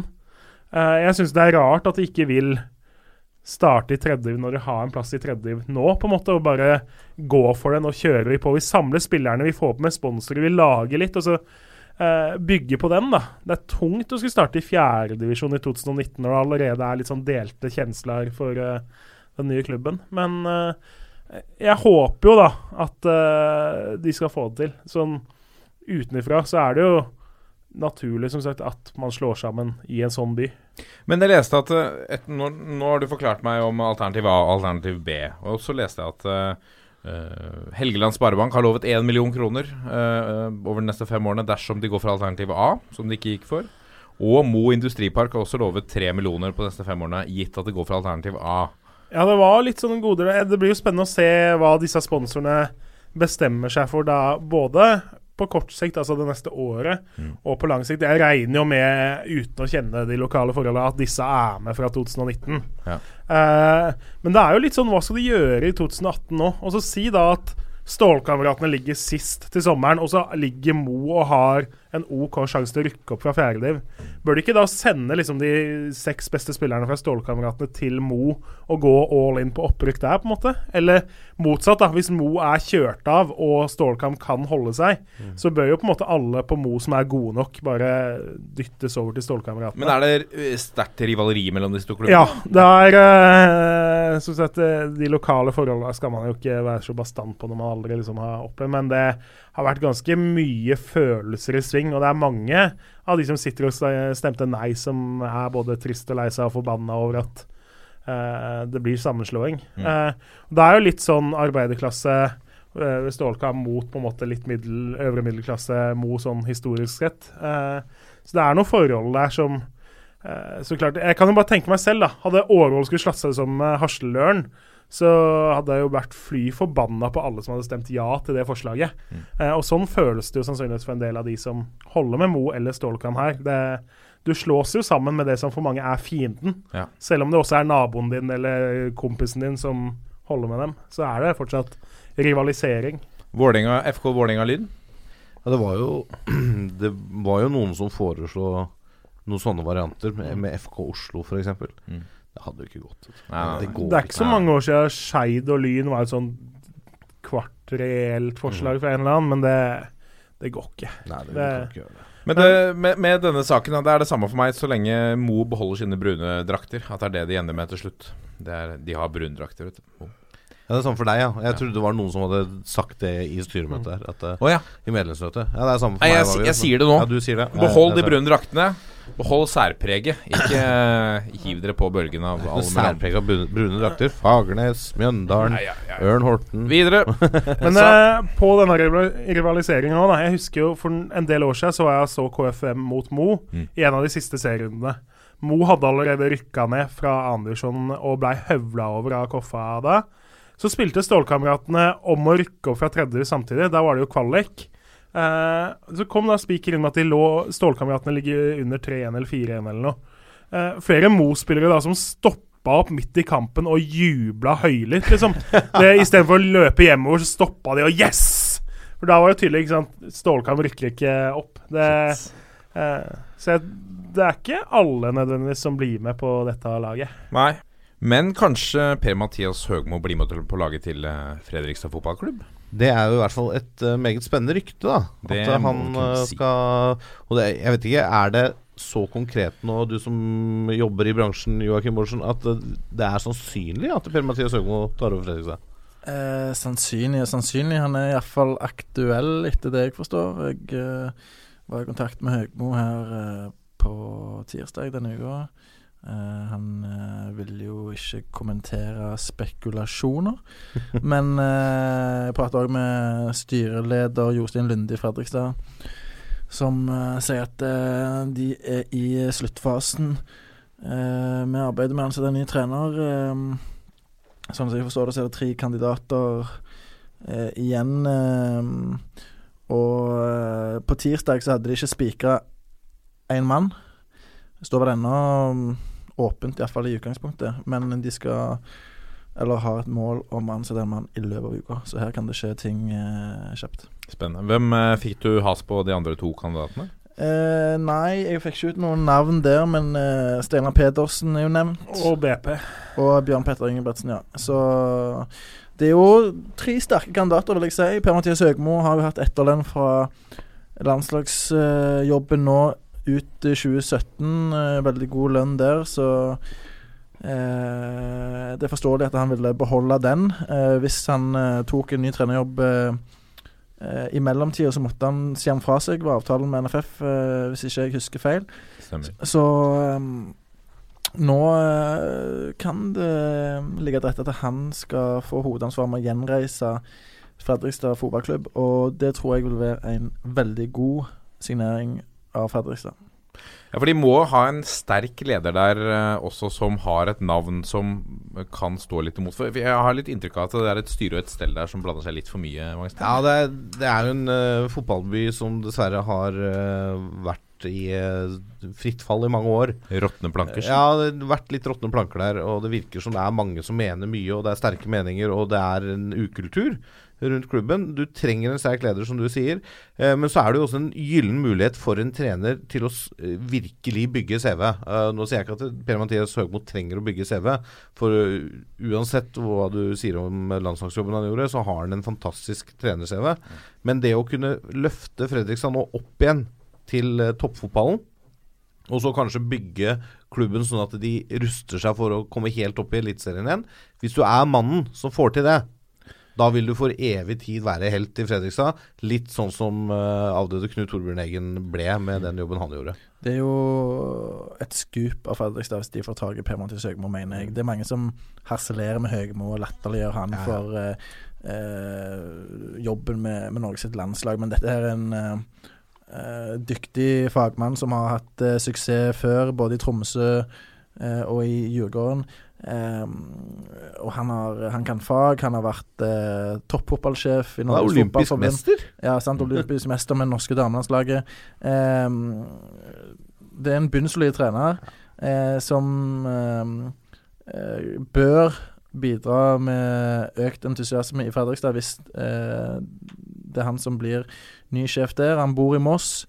Eh, og, og det virker ikke som noe veldig eh, unaturlig valg fra hans side heller, syns jeg. Han, han har vært og kjent på det øverste nivået i norsk fotball. Det aller eh, ypperste som er mulig å, å oppleve. Og jeg tror han ser på det som en stor utfordring å kunne ta Fredrikstad, som jo har økonomiske eh, utfordringer, men allikevel er en stor, stor klubb, eh, tilbake til toppen av norsk eh, fotball. Tror dere at eh, vår venn eh, Mosse-trener Ole Martin Eskelquist har vært venn nevnt i diskusjonen? Han har vært nevnt, faktisk, men han prata jeg med i dag. Ja. Um, og han har fått eh, et nytt eh, kontraktstilbud av eh, Moss. Ja, veldig bra. Styret i Moss nølte jo en stund med å, gi han et nytt tilbud etter at han leda de til opprykk fra tredje til andre divisjon. Hvorfor det? Fordi han ikke var Nei, tung nok, eller? Nei, bare fordi at de skulle gjøre en evaluering. Stemmer det. de kunne- Det var det han sa da han var her. Ja, og de kunne ikke eh, komme med noe svar før den var gjort. Men den drøyde jo, og, og, og sånn. Men eh, nå har han fått et tilbud. eh, han eh, sier at det er snakk om eh, ett år. Eh, og de er nære ved å bli enige, men eh, det er et par sentrale punkt, som han sier, som, som gjenstår før han skriver under. Jeg syns det er litt sært å tilby ettårskontrakt til en trener.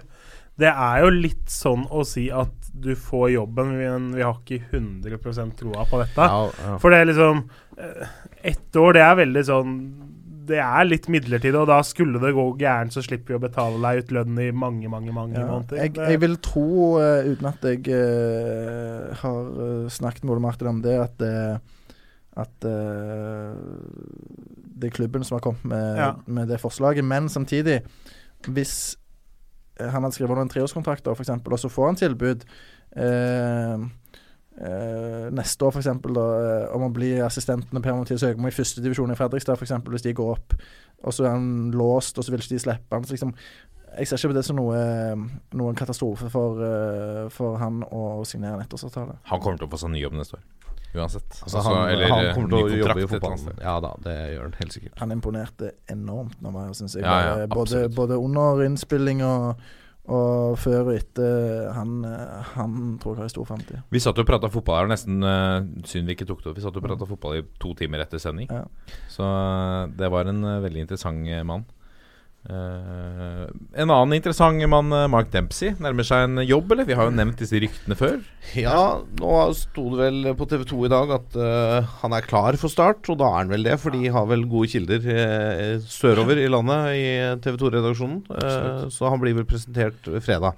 Toårskontrakt. og Toårskontrakt. er samme omtrent samtidig, så det Men der også er det liksom toårskontrakt i en klubb som Start nå, som skal på en måte begynne å bygge nytt igjen. Eh, det er jo ikke veldig langsiktig. Men det er, det er jo en, vei, en lettere vei ut for begge parter, da, hvis det ikke funker. Ja, og Dempsey har vist før at han Altså, det skjærte seg jo i Haugesund. Så, så han eh, har jo vist før at eh, han er jo en, sikkert en krevende mann på sine omgivelser, han også. Ja, han er jo en uh, mann med mye energi og, og et stort følelsesregister. Mm. Men det er jo òg det som uh, eh, Tor Christian Karlsen etterlyste i Steinar Pedersen. Han hevder i hvert fall at eh, da mangla det litt eh, energi eh, i spillergruppa. Og det er det, de, det som er en av tingene som de tror de får inn nå, da, med, med Dempsey.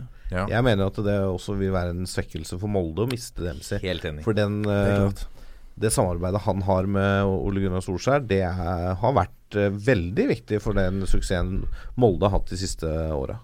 Og Vi snakket om det i denne podkasten også, at vi, vi så en endring i Molde da Mark Dempsey kom tilbake. Mm. At eh, det manglet noe i Molde da han uh, ikke var der. Ja, for Da gikk jo Solskjær over til managerrolle igjen, sant. Yes. Men samtidig så har Molde Almo, som uh, gjorde det veldig bra som uh, midlertidig trener på et tidspunkt i, i Molde. Tok de i Europa League eh, til noen veldig bra resultater der, blant annet. Og som er en dyktig fyr, så det blir litt interessant å se om, om Solskjær og Molde vil hente inn en erstatter for Dempsey eventuelt. da. Han tipper jeg de finner i egne rekker, i så fall.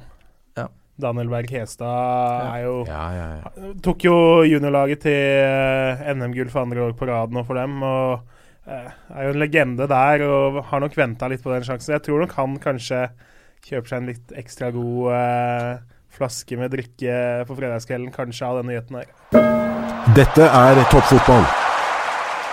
Så har vi kommet frem til en, enda en avslutning på, på noe vi har diskutert lenge i år. Denne spalten, eller kåringen, som eh, heter Årets Trøn. eh, fordi at vi begynte jo med Årets Vardi, som gikk til Martin Trøen. Og eh, denne, en, en spiller som har markert seg i lavere divisjoner, som, som bøtter inn skåringer som vi kanskje tenker at kan ta steg oppover i ligasystemet. Og da kan vi jo si at eh, ditt, uh, ditt hjertebarn i fjor, Yes, Endre Kupen. Uh, Endre Kupen, har jo nå tatt steget. Absolutt. Da fra andre til første med sitt kjære Florø, og nå har signert kontrakt for Bodø-Glimt. Ja. Så det er jo spørsmålet Er han en kandidat i år, da? Ja, interessant. Vi får høre med Breddefotballeksikonet. Vi skal, du skal nå lansere noen Ja, vi, oppdraget var vel at vi skulle ha tre mann som det skal stemmes over på Twitter. Yes. Eh, og da har jeg tatt meg litt friheten til å ha to som jeg mener må med. Eh, og så får vi heller snakke oss litt rundt eh, plass tre. Eh, den ene har vi snakka ganske mye om både i fjor og i år. Eh, det er nest Sotras målmaskin Alexander Dang. Uh, han har jo bøtta inn et helt sinnssvakt antall mål i tredjedivisjon i fire-fem år. Og så tok han endelig steget opp i andredivisjon uh, denne sesongen. Uh, og svarer da med å skåre 21 mål og bli toppskårer i andredivisjon, og de rykker opp. Uh, han har skåra så mye, han er så god at eh, eh, han ligner jo veldig på det Kupen har gjort. Altså Mange år nede i divisjonene, og så bra i andre divisjon. Og nå får han sjansen i førstedivisjon. Uh, han signerte vel akkurat ny kontrakt der og blir værende i Nest Sotra nå, da, i 2018. Det var smart, tror jeg. Eh, men det er klart at han har jo vist så mye nå, og det har vært interesse. Og både Å- altså Åsane har vært litt på der. og eh, Gjør han det ganske bra neste år, da, eh, så bør veien mot Eliteserien ikke være umulig for han. Spennende. Eh, Dang har vi snakka om lenge om. Ja, toppskårer i andredivisjon og skåra masse i tredjedivisjon før. Og, altså, han tikker de fleste boksene for å være en soleklar kandidat. Da. Eh, han må med blant de tre vi skal stemme om. Ja. Eh, den andre som jeg vil ha med, er Tobias Lauritzen. Uh, han er jo, hvis vi skal være veldig sånn der purister her, så har jo han faktisk to eller tre A-kamper for Odd i cupens eh, første runde i 2015 og 2016. Til og med scora i 2015. Så hvis vi liksom skal si at han all, Hvis vi ikke skal ha den moduskandidaten, da, så måtte jo diskvalifisert han på det. Men jeg tenker at det blir litt sånn Det blir for pirkete, da. Ja. Uh, han kom fra Odds junioravdeling til Porsche før den sesongen her. Spilt litt, spilt på midtbane og spilt litt rundt, og så blei han midtspiss i Porsche. Uh, som egentlig mangla en spiss uh, i kampen om opprykk i år. Eh, Tobias Lauritzen skåra 32 mål i uh, tredjedivisjon. Det vil si at han er den mestskårende i de fire øverste divisjonene denne sesongen. her. Uh, han er 20 år. Han har vært på prøvespill nå og vist seg fram for Vålerenga. Odd vil ha han tilbake på trening nå. Uh, han kan garantert signere for nesten alle annendivisjonsklubber i morgen hvis han har lyst til det. Eh, han er et såpass spennende navn og har skåra så mye at eh, han må også med. Det siste nye der er jo at uh, Vålerenga har lagt ned bud på Andreas? Lauritzen. Mm. Oh. Og det har Pors avslått. Oh, ja. Så gjenstår det å se om eh, de kommer tilbake med et uh, høyere bud. Uh, eh, leder i, i Pors har sagt at det, det holder ikke med 100 000 kroner eh, her. Eh, De har bydd 100 000. ja, Han ville ikke gå ut med summen, da, men det, han, han sier iallfall at det er 100 000 hadde ikke vært nok for en, en mann uh, av hans kaliber. Ja, Det var mye frem og tilbake, fordi Odd var litt sånn lunkne til han på prøvespill, og så ville de etter hvert. Og det har vært litt sånn halvuggen stemning mellom Porsche og Odd i lokalavisene der om Lauritzen, da.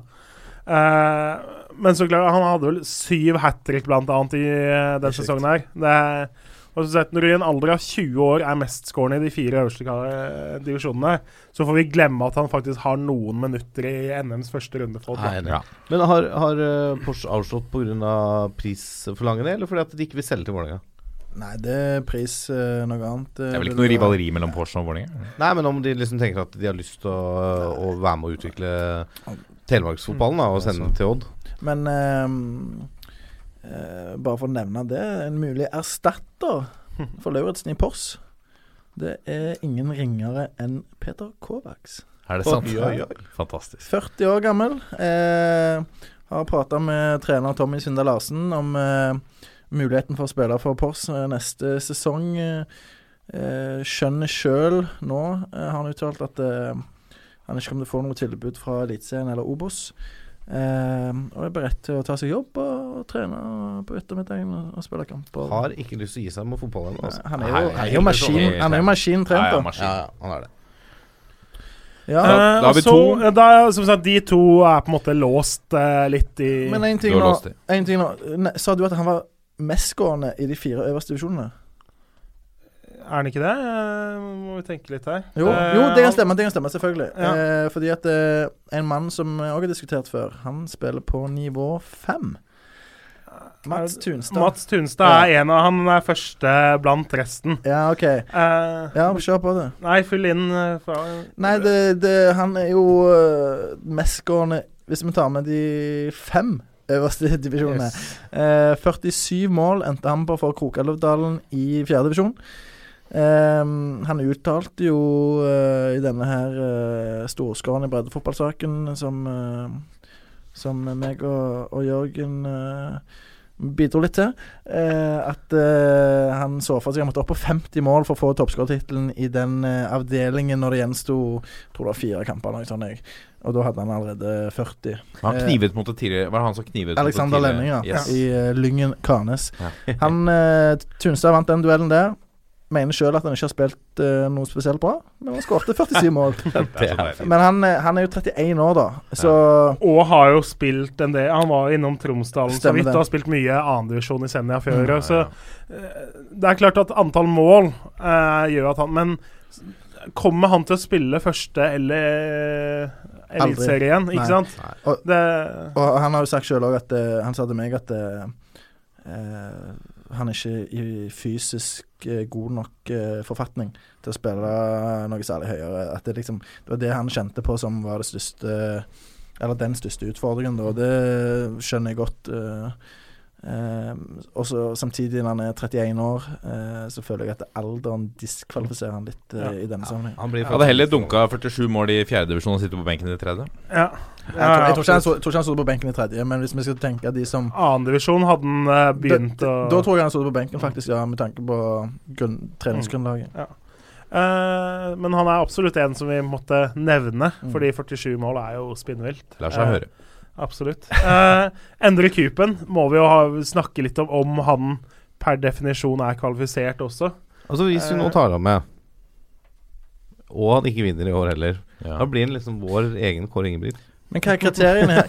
Men, men hva er kriteriene her, da? Han har jo spilt førstedivisjon i år. Ja, det er, altså, det er jo det at du skal på en måte score mye i litt lavere divisjoner, men at vi har tro på at du kan ta steget opp, Mm. og, og også herje på øverste nivå, er vel det vi Det starta jo sånn- som årets Vard i, Ja. i fjor. Altså En som lenge er nede i divisjonen, og så plutselig blir en suksess Litt på øverste bloomer, nivå. Ja, han har jo på en måte blitt den suksessen, da. mm. Ja. Så jeg mener at eh, ja, vi gjorde en tabbe her ved å ikke lytte til meg da vi kåret eh, for å kåre han til årets uh, Vardi. Eh, nå mener jeg at uh, å score litt i, i førstedivisjon uh, jeg, jeg mener at det ikke holder, altså. Han har ikke fått uh, sånn fullstendig gjennombrudd. eh, Det har han jo Ja, ikke. Med all respekt for Altså Florø har gjort en fantastisk Ja. eh, sesong, men jeg mener at å plukke ut en spiller som nå scorer litt i, i førstedivisjon, blir litt skivebom på denne Ja, jeg, prisen. jeg er glad dere sier det, men jeg tenkte han måtte opp til diskusjon. Ja, han må absolutt må, ja. Eh, eh, Nestemann er Sebastian Pedersen. Lillebror til Markus. Ja, ja, ja. Eh, men han, har også liksom, han har jo spilt litt, og han har jo til og med scora i Eliteserien. da. Eh, men han har jo fått veldig få sjanser der, eh, og har et helt vilt skåringssnitt for Stabæk 2 eh, denne sesongen her. Han har holdt på å si bare skåra 25 mål, men han har jo ikke da eh, vært på banen i alle kampene for dem. Så Eh, han har 25 mål på 17 kamper i tredjedivisjon. Det, det, Eh, det er godkjent. Så er jo det ikke sant, Han står med åtte kamper for Stabæks A-lag. Spørsmålet er jo om de på en måte diskvalifiserer han. Han er ung, han bøtter inn i lavere divisjoner, og han har god sjanse til å få en karriere på øverste nivå. jeg syns på en måte gjør det, fordi han er faktisk, eh, Mm. i mine øyne, til denne type uh, kåring Han er for ung, og så har han allerede fått eh, sjansen på det øverste nivået.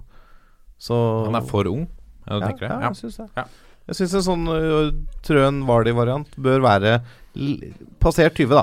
Og, Jeg, er jo, jeg må jo si at jeg er jo enig. Jeg syns jo Dang er Altså han med fare for å drive stemmemanipulering, er så er jo Alexander Dang min mann som tikker de fleste boksene, da. Mm, mm, mm. Men Jeg, eh, er- jeg er helt enig i det. Ja. Han, og fordi eh, Hvis vi skal sammenligne med Vardi, da, som eh, tilbrakte utallige år i lavere divisjoner i England og ikke fikk gjennombruddet før han var på Dang sin alder, sant? Mm. så er det ganske mange likheter. Men vi har én mann til da, som i alder og litt sånn, og som kan bli god nok. Eh, da har vi David Tavakoli eh, i eh, Skeid. Ja.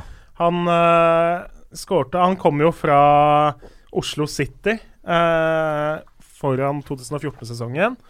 Eh, og så hadde han én OK-sesong, og så skårte han da totalt 15 mål i 2015. 23 mål i 2016. 28 med, Nei, 20 mål i 2016 og 23 mål i 2017. Eh, en, han er nå blitt 25 år, vært god da Han har fire sesonger bak seg i andredivisjon, og så før det to sesonger i tredjedivisjon. Uh, hatt stigning.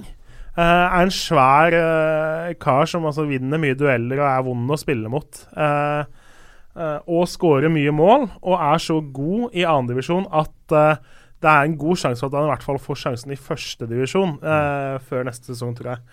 Eh, og han, som sagt, han passer bedre da på den. 25 år, skårer mye, spilt lenge i andredivisjon. Kan bli god nok for å få en sjanse på øverste nivå eh, hvis stigninga fortsetter. Skal vi bare si det, da? At det blir Lauritzen, Dang og Tavakoli?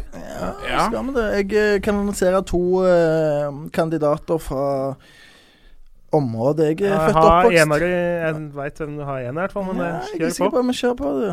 Nei, da har jeg Even Estensen. Ja, nei, han eh, han kan du få lov til å fortelle litt om. Ja. Han er ikke en av de to. Jeg, han er selvfølgelig et veldig godt alternativ, men eh, jeg kan ta to andre Ja, etterpå. for han eh, Even har jo nå eh, Han skårte i fjor, så skårte han eh, 20 Skal vi se Vi må ha Noen tall må vi ha inn. 22 mål totalt for Stål, eh, som da vant sin avdeling i tredje divisjon uten at de kunne rykke opp. Eh, økte til 23 seriemål i år, pluss en cupskåring. Eh, kjapp, god spiss. Har nå vist seg fram for Haugesund, og Viking har meldt sin interesse for å også få lov til å se på han på treningsfeltet. Eh, så han er jo blant de mestskårende i tredjedivisjon, og aktuell for klubber høyere opp. Det er jo interessant.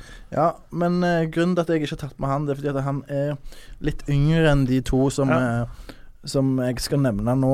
Og han er jo et stort talent, Østensen, Ja. sant? mens de to andre er jo mer sånn typer som har vært på et høyt nivå før. Han ene er ennå på bra nivå, Ehm, men som jeg vet har potensial da, til å prestere eh, ganske høyt oppe.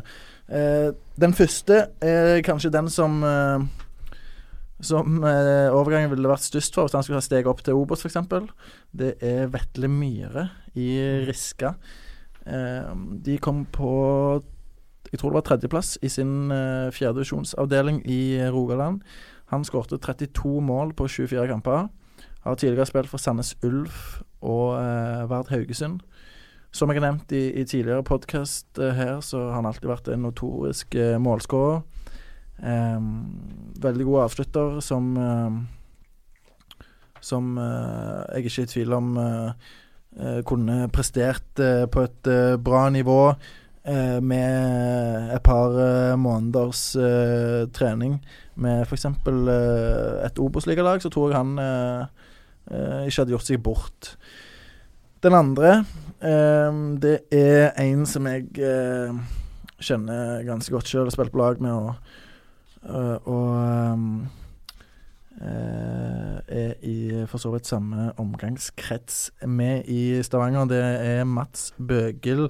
Han eh, spiller i Bryne, som jo er ingen liten eh, klubb. Eh, er i utgangspunktet spiss, men har spilt eh, indreløper i en Mm. 3-5-2-formasjon for Bryne eh, denne sesongen. eh, eller det siste Ja, det siste det er jo halvannet år siden de la om til 3-5-2. Men han er rett alder, han òg. Vetle Myhre er 91-modell. Mats Bøgel er 88-modell. Eh, 29 år. Men samtidig så er han eh, gjerne bedre enn noen gang. En eh, sånn finslepen, eh, litt hengslete tekniker Spennende. med enorm kapasitet. Eh, som eh, egentlig alltid har ligget helt på vippen til å, til å ta steget egentlig opp i Eliteserien, fordi det var snakk om Viking en periode. Han spilte for eh, Stavanger eh, i førstedivisjon uh, da han var yngre. Og nå er han så bra eh, han, ble ikke kåret årets Bryne-spiller, det ble Robert Undheim, men han var nok gjerne årets Bryne-spiller. Og eh, det er en type som f.eks. Viking nå i Obos-ligaen bør vurdere, mener jeg. Eh, og som jeg tror eh, plutselig da kunne blomstre, til tross for at han er 29 år og fyller 30 neste år. da. Det òg ville vært litt av en historie. Samtidig da, så er han jo altså, som indreløper med sju mål den sesongen her, på en måte, så eh, Ja. Ja, men altså, det som indreløper så er jo det godkjent. Jo da, men det er altså Men- men jeg mener- men jeg- men jeg mener- Vardi er jo på en måte Eller vi, vi leter jo på en måte etter spissen, så Ja, ja, og, men han, han er spiss i utgangspunktet, det er derfor jeg tok han med. Men, eh, men eh, ja, det det er mange gode kandidater. Vi må Jeg og, jeg og Lasse sitter helt på sidelinjen her. Det bygger opp til en breddefotballdebatt. En, en krangel. Uh, jeg, jeg elsker det. Vi må uansett lande på tre kandidater. Vi har landet Eh, to. Vi har, har vi landa to? Uh, Bårdsen, er du enig i Dang og Lauritzen? Absolutt. Ja. Og da er det den tredje eh, som gjenstår. Så da ble Eh, jeg nedstemt her. Fryktelig. Ja. Eh, Kan stemme. Den, altså den tredje de, av de aktuelle som jeg ser. Jeg ser på at Mats Tunstad er for gammel. Mm. Endre Kupen er uaktuell. Uh, Sebastian Pedersen spilt for mye for Stabæk. Mm. Eh, ung. Kan vi be om for forslag, da? Ja, Vi må legge det ut nå på okay. sosiale medier eh, nærmeste tid. Vi må jo prøve å finne noen som vi mener at faktisk kan ta steget opp, da. Som Da har er, vi og da, ut- jeg mener jo at Tavakoli er eh, Ja, da har vi eh, Tavakoli som ene, og vi har Even Østensen som den andre. Uh, og så er Mats Bøgel, hvis han er indreløper, så kommer han litt på siden. Men du har uh, Vetle Myhre. Ja. Uh, det er disse tre, da. Eh, skal, vi, skal vi bestemme hvem den Ja, siste er? Ja, da? nå bestemmer vi. Ut fra forklaringen nå fra ekspertene. Ja. Jeg, jeg stemmer Tavakoli. Aldri sett uh, Tavakoli, så jeg uh, melder pass der, faktisk. La gå videre til deg, oi, oi. Nå kan du få lov til å bestemme, Ropstad. Nå er det nå, din tur, tur til å skinne. Du har trippelstemme. Nå ble du nedstemt i fjor. Hvilket, uh, hvilken divisjon er Riska i? Fjerde. Ja, okay, Da blir det Vetle Myhre. Uh! Men da, da må jo Postnummeret begynner å bli litt for høyt. Det viktige, Han har jo det, det viktige er nå brett her, sant? Ja, han, men han har jo tross alt Altså, han har, hva er han har tre sesonger i uh, førstedivisjon fra før av, har han ikke det? Ja, jo, det han? Så han har jo Men, han- men han har aldri hatt det. Oh, her kommer det, han jo her kommer det fram. god, men altså Jo, men jeg sa han har spilt for Sandnes Ulf og Vard Haugesund. Ja, eh, men men han, han har aldri fått gjennombruddet, da. sant? På, Nei, på da, han har jo på en måte Endre Kupen òg var det Han sånn da? Vi hadde den om eh, han. Jeg tenker at da er jo Endre Kupen per definisjon kvalifisert, da. Hvis uh, man kan ha spilt uh, Ja, det er bare Altså, så Vetle Myhre eh, har jo spilt mer førstedivisjon enn Endre Kupen. Jo, men, jo, men jeg, jeg tenker på en som kan Eller kunne tatt steget. sant? Coopen Kupen har på en måte tatt det steg allerede, så han, er, Ja. han, har, han har vært gjennom den reisen. Men Myhre har jo også vært gjennom reisen, han bare han klarte det ikke. Nei, men han er 26. Eh, Du, du Tør jeg minne om uh, Jørgen Kjernås at uh, var høyaktuell, men to, prøvde å ta steget i Sogndal, fikk det ikke til. Har nå prøvd å ta steget på nytt. Ja, men jeg Vi må altså, gå videre, for du skal rekke tog. Nei, jeg skal rekke tog, Men jeg tenker altså, vi må jo ha de som tross alt Altså, sånn vi starta, var jo de som er på gradvis vei oppover, liksom. Ja. Eh, Jeg skal ikke gjøre meg vanskelig her. Dere uh, skal få lov til å ta Men da er det Tavakoli Du står beina på Tavakoli? ja, altså Hadde du fått spillet hvem lykkes best de neste fem åra av Tavakoli og Myhre, så hadde jeg sagt Hvor gammel er Tavakoli? Han er 25. Og hvor gammel er Vetle Myhre? 91-modell, så da er han 26. Går jeg ut fra. Å, oh, det er jevnt. Mangstein bestemmer. Jeg sa Tavakoli. Ja, faen. Da, da blir Vetle Myhre, da. Sorry, Vetle. Vi kan jo ha fire, da. Må vi bare ha tre? Vi kan jo Går det an med fire? Ja, ja, Går ikke fire på en avstemning på ditt tre, så Ja, kjører vi kjører vi begge. Kjør! Men folk bør jo stemme dang. Helt nøytral uh, Nei, men altså, valgkomitémedlemmer. Ja. Dette er toppfotball. Da har vi kommet til årets lag i Eliteserien 2017, og vi begynner på keeperplass. eh, Vangstein. Skal vi har- først bruke noen minutter på form... Nei da, vi skal ikke bruke tid på formasjon, selv om jeg har satt opp mitt lag i 3-4-3. Årets keeper for meg Altså det er ikke noe Jeg mener det ikke er noe å diskutere. André Hansen i Rosenborg. Enig. Bunnsolid, gjør nesten ikke tabber. Uh, sjef, uh, skaper trygghet. Det er liksom Ja. Jeg tenkte litt på forhånd her da vi skrøt at eh, hvis noen melder noe annet, så skal jeg være klar til å krangle kraftig på den. Det må Altså, Bråtveit f.eks. har gjort en bra sesong, men André Hansen er årets keeper i Eliteserien. Ja, det er ikke noe å diskutere. Bråtveit er på benken. Klappes inn André Hansen. Ja, oi! Veldig bra. På benken. Bråtveit. Ja. Ja. Ja, den er mer Den er diskutabel, Ja, men har- Nei, nei, nei, Mine herrer, mine herrer, vi går videre. Vi går Det videre. er du som spurte. Ja. Det er riktig. Ok, vi begynner med Har alle en treer bak, eller? Eh, ja. Eh, Kan vi ikke diskutere inn én og én? Ja, ja, absolutt. Gjør det. Vi, Eh, vi tenker, tenker vel kanskje mer liksom forsvar, eller Ja. liksom Ja. at det må jo ikke henge Altså, sammen. Jeg, Nei, jeg, jeg eh, kjører den som jeg regner med jeg får uh, gehør for her. Tore Ginesen. Ja, jeg vet at Lasse bifaller, for han er jo veldig forelsket i, eh, i Tore Ginesen. Jeg syns han er en bauta. Ja. Og han, er, han ble kåret til årets spiller, og det syns jeg var ganske fortjent. Mm. Eh, så han er tempo, taklings- og duellsterk. Han har det meste som en stopper skal ha. Det Helt klart. Fremstår som et godt valg nå på landslaget også. Ja. Kjernås. Ja, klar, altså Det er ikke noe å diskutere det heller. Uansett om du skal ha to, tre, fire eller fem bak, han må med. Ja. Da klapper vi inn Tore Ginussen. Ved hans side, Kjernås.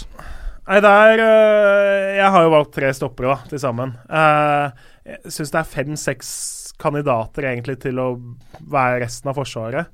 Uh, jeg har valgt Sigurd Rostedt uh, på en måte som min nummer to. Uh, litt si, vel offensivt til tider, men altså glimrende med ball, offensivt, god plasseringsmessig. Leder viktig for uh, Sarpsborg eh, defensivt. Jeg syns han fortjener den plassen eh, som en av de andre. Hva med deg, Bårdsen? Bifaller du Rosted? Det gjør jeg. eh, Han eh, starta gjerne sesongen bedre enn han avslutta, men jeg eh, støtter Rosted på årets lag. Jeg hadde egentlig en annen tidligere Sarpsborg-stopper. Ja. Jakob Ja. Glesnes i Godset. Yes. Han starta dårlig, men avslutta meget sterkt, Ja. som den bautaen som Godset Men kan vi ta han her? Det kan hende. Jeg, har, Han- jeg hadde ikke Rosted, da. Jeg Ja. droppa Rosted. Ja, Men- altså, jeg er med på, på Glesnes eh, i tillegg. Jeg hadde han og Wormgård som 50-50 før jeg satte om mitt. Uh, Glesnes falt ut i egentlig uh, seriens siste halvtime. Jeg syns han var litt Som resten av eh, godset, Bambi på isen i Ja, Ålesund. men da var arbeidsbetingelsene ganske jo da, men jeg, jeg syns Wormgård har vært knallsolid og vært en leder og sjef i Brann, men den er tight, den duellen. Så for meg er det Wormgård, men uh, Så ble de pissa på Vi Markus Pedersen. liksom- Hvis du skal ta noen på en halvtime, Ja. så kan du ta den ja, med Markus ja, altså, Pedersen. For meg så var det liksom Wormgård mot Glesnes var 51-49, da, på en måte. Så uh, jeg legger meg ikke ned og gråter eller står og roper hvis jeg blir nedstemt. Tør jeg tolke panelet rett at det er Ginussen, Glesnes og Rosted, da? Ja, det kan, jeg, jeg er med på det. Altså, jeg hadde Bismar og Costa som 50-50 med Wormgård. Mm. For jeg mener de er sammen. Kanskje Kan ikke kjøre en helnorsk trio her, da? hæ? Jo, jo, vi gjør det, da. Jeg tror du mener Bismarck. Uh, Nei, jeg tror ikke jeg gjør det. Nei, men det er greit, det. Reginiussen, eh, Rosted og Glesnes. Glesnes. Ja. Ja, det er fint. Det er bra, bra treer. Midtbanen. Da skal vi starte med én som Altså, jeg tipper jo at Strømsgodset er representert hos alle her, da. Uh, Ja. Det er jo interessant å se om hvem, og om det er én eller to, kanskje. Uh, men for å få litt fortgang, så noen av oss kommer oss hjem til de Utkant-Norge, holdt på å si. Eh, jeg har både Ulland Andersen og Basel Gerradi på mitt lag på midtbanen.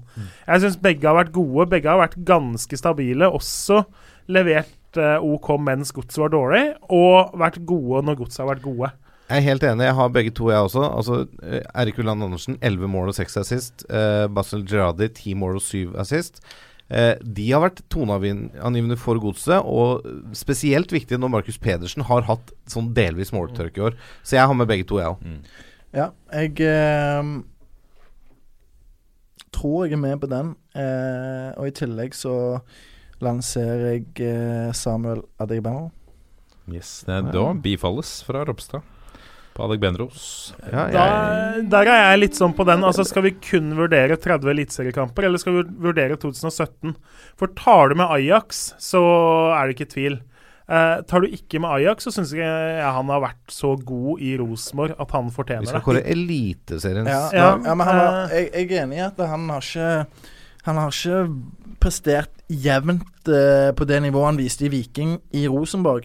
Men i Viking så var han liksom Han var viking. Han var viking, og han, han viste da at eh, Eller da så det iallfall ut som han hadde et nivå som var over alle andre i Eliteserien. Det var sånn Du ser en veldig sjelden gang med spillere. Han, han kunne få ballen, og så kunne han bare gå forbi eh, to-tre mann som, som ingenting. Liksom. Det var liksom Ingen klarte å følge tyngdepunktet hans. Og, og Men jeg sånn. syns du foregriper, da, for at eh, han mener jeg burde spille offensivt, altså i, i treeren foran. det, det kan være. Hvis kan vi, kjører, hvis vi kjører en treer, da, men Vi kjører 3-4-3 3-4-3. OK, greit. Da, da venter vi han. Da lanserer jeg Fredrik Haugen. Det er godt, Ja, uh, god lansering. Uh, helt enig. Han er på mitt lag òg. Jeg syns han har vært stabilt god. Altså, uh, det er en veldig god spiller, og han har vært Han har noen dårlige kamper, han. Det har alle. Mm. Men han har vært eh, jevnt god. Ja, og han eh, har jo produsert altså 90 sjanseskapende pasninger, noe som er 32 flere enn nummer to på lista, ifølge VG-statistiker Geir Juva. Eh, Og han stoler vi på. og han stoler vi på. Eh, og det sier litt. Og i tillegg så hadde han nest flest assist med ti i serien, bak Morten Gams Pedersen. Hatt en Så han har hatt en meget bra sesong òg, med noen nydelige skåringer. Mm. Jeg er helt enig med Haugen. Um, og så ja, tenker jeg kanskje at det veldig mange vurderer Krepin Diatta som eh, den siste på fireren. Men der har jeg da valgt, eh, hvis vi tar med Haugen, uh, Tortol Lumanza i Stabæk. Det er et valg som jeg liker Ja, veldig Fordi han syn, Altså Igjen da så klarer Inge André Olsen og co. å finne gull i utlandet som liksom ingen så komme. Eh, Han har tidvis herja på den midtbanen til Stabæk. Altså er en spillertype jeg virkelig har sansen for. Så jeg har litt lyst til å ha med han, men uh... Er ja, litt glad for at du sier det, og litt skuffa over å ikke få si det selv. For det, jeg, jeg er helt enig. Han uh, var ikke i 100% fysisk form da han kom. Våren var litt sånn midt på treet pluss. Uh, I høst så har han sett voldsom ut. Altså, Kampen mot Odd han er god han er- defensivt, han er god offensivt. Jeg så et eller annet, han hadde 33% flere pasninger på motstanders halvdel enn nestemann i høst. Eller. ja. Altså, han er god begge veier, og han er dominant. Og uh, rein skjær klasse, den spilleren. Så uh, for meg òg, så er han med. Men da har vi Fredrik Haugen. Vi har, uh, Havi Basel Rajadi òg? ja. Og Eirik Ulland Og Eirik Ulland Andersen. og Lumanza. Hvis ikke det er noe andre Altså, Ja, det er en annen kandidat som vi ikke har vært inne på. Eh, Kristoffer Sakariassen Ja. Ja, Ja. i Sarpsborg. Yes. Hatt en, kom fra andredivisjon hatt en fantastisk sesong. Men ikke vært jevnt der oppe? Jo, han har det. Og han ryktes nå allerede til utlandet. Eh, Ja. Det er interesse fra, fra klubber eh, eh, utenfor Norge. Eh, og han, eh, han, går, han har jo ikke et navn sant, som, som eh, veldig mange kjenner til, egentlig. Utenom de som følger norsk fotball tett. Thomas Berntsen mente jo det var grunnen til at han ikke er tatt opp på landslaget. Ja, ja, ja, men det, det er nok et godt poeng. Og, og det er en spiller i hvert fall som fortjener i aller høyeste grad å bli nevnt i denne diskusjonen. Han blir eh, årets gjennombrudd. han er i hvert fall Jo, jo, eh, det, Jeg er helt enig at hvis vi skal dytte ut noen og få inn en annen, så er det Zakariassen som står i kø. Eh, det er klart. Diatta er kanskje beste spilleren og stør, definitivt største talentet, men eh, tok tross alt 60% av sesongen før han begynte å vise seg fram i det hele tatt. Da. Det er riktig. Så Eh, og Diatta må da egentlig opp i Han har jo spilt hengende spiss eller Ja, spiss, ja. så eh, jeg tror Diatta havner på benken. jeg tenker at Skulle vi tatt ut et tolvmannslag, så måtte Zakariassen vært nummer tolv. Men for meg så er han på en måte første innbytter, selv om det er tøft å vrake han. altså. Men, Så da har vi Haugen, Giradi, Girardi, Ulland Andersen og Lumanza. Klappe alle sammen inn. Ja, klapper inn de. Så har vi en treer eh, på topp. Ja, jeg tror vel uh, Den sier seg Ja, det sier seg jo ikke selv egentlig, fordi uh, tror jeg uh, Toppskåreren mener jeg må med Niklas Bentner. Selv om vi, som vi snakka om i stad, han begynte litt treigt. Uh, men han har skåra da altså eh, Er det 15 mål på de siste 16 kampene? Det kan stemme. Og det er ganske bunnsolid. Eh, så jeg syns altså hvis, du, hvis vi ikke har med Bentner som én av de tre på topp Ja, i ja. vårt årets lag, Da gjør vi ikke da gjør vi ikke jobben vår. Og så var han, jo, han var jo OK i starten, han hadde jo noen gode kamper. Borte Mm. mot Sarpsborg så var han kanskje banens beste, blant annet. Ja, ja, ja. eh, Da, så det var mer eh, liksom seks-sju kamper fra runde sju-åtte og litt utover at han var litt vimsete. Ja. Eh, men altså, han er Altså, Ja. toppskåreren må nesten alltid med. Vi kjører Bentner. Ja. Nummer to, da. Eh, jeg mener at vi heller ikke kommer utenom Ohi. Nei. 17 skåringer. Eh, hadde det ikke vært for den strekken eh, mot eh, Vålerenga i, i det 4-2 Kalaset? ja, Ja. så eh, kunne han fort blitt eh, toppskårer. Eh, det satte han litt eh, Han mista litt rytme der, og han bomma på straff etter han kom tilbake fra den skaden. Og Han var ikke helt eh, på det nivået han hadde vært før, men han har hatt en eh, fantastisk sesong for Stabæk. Ja, Bunnsolid for en middelhavsfarer, da. Og det, Ja, sant. Altså det, altså der Fått landslagsdebut. Og jeg mener jo jeg, jeg, jeg ser at du vil ha med Adegbenro, og jeg kan være med på det. Uh, og da dytter vi, i hvert fall på mitt lag, da dytter du ut Bjørn Bergman Sigurdarsson.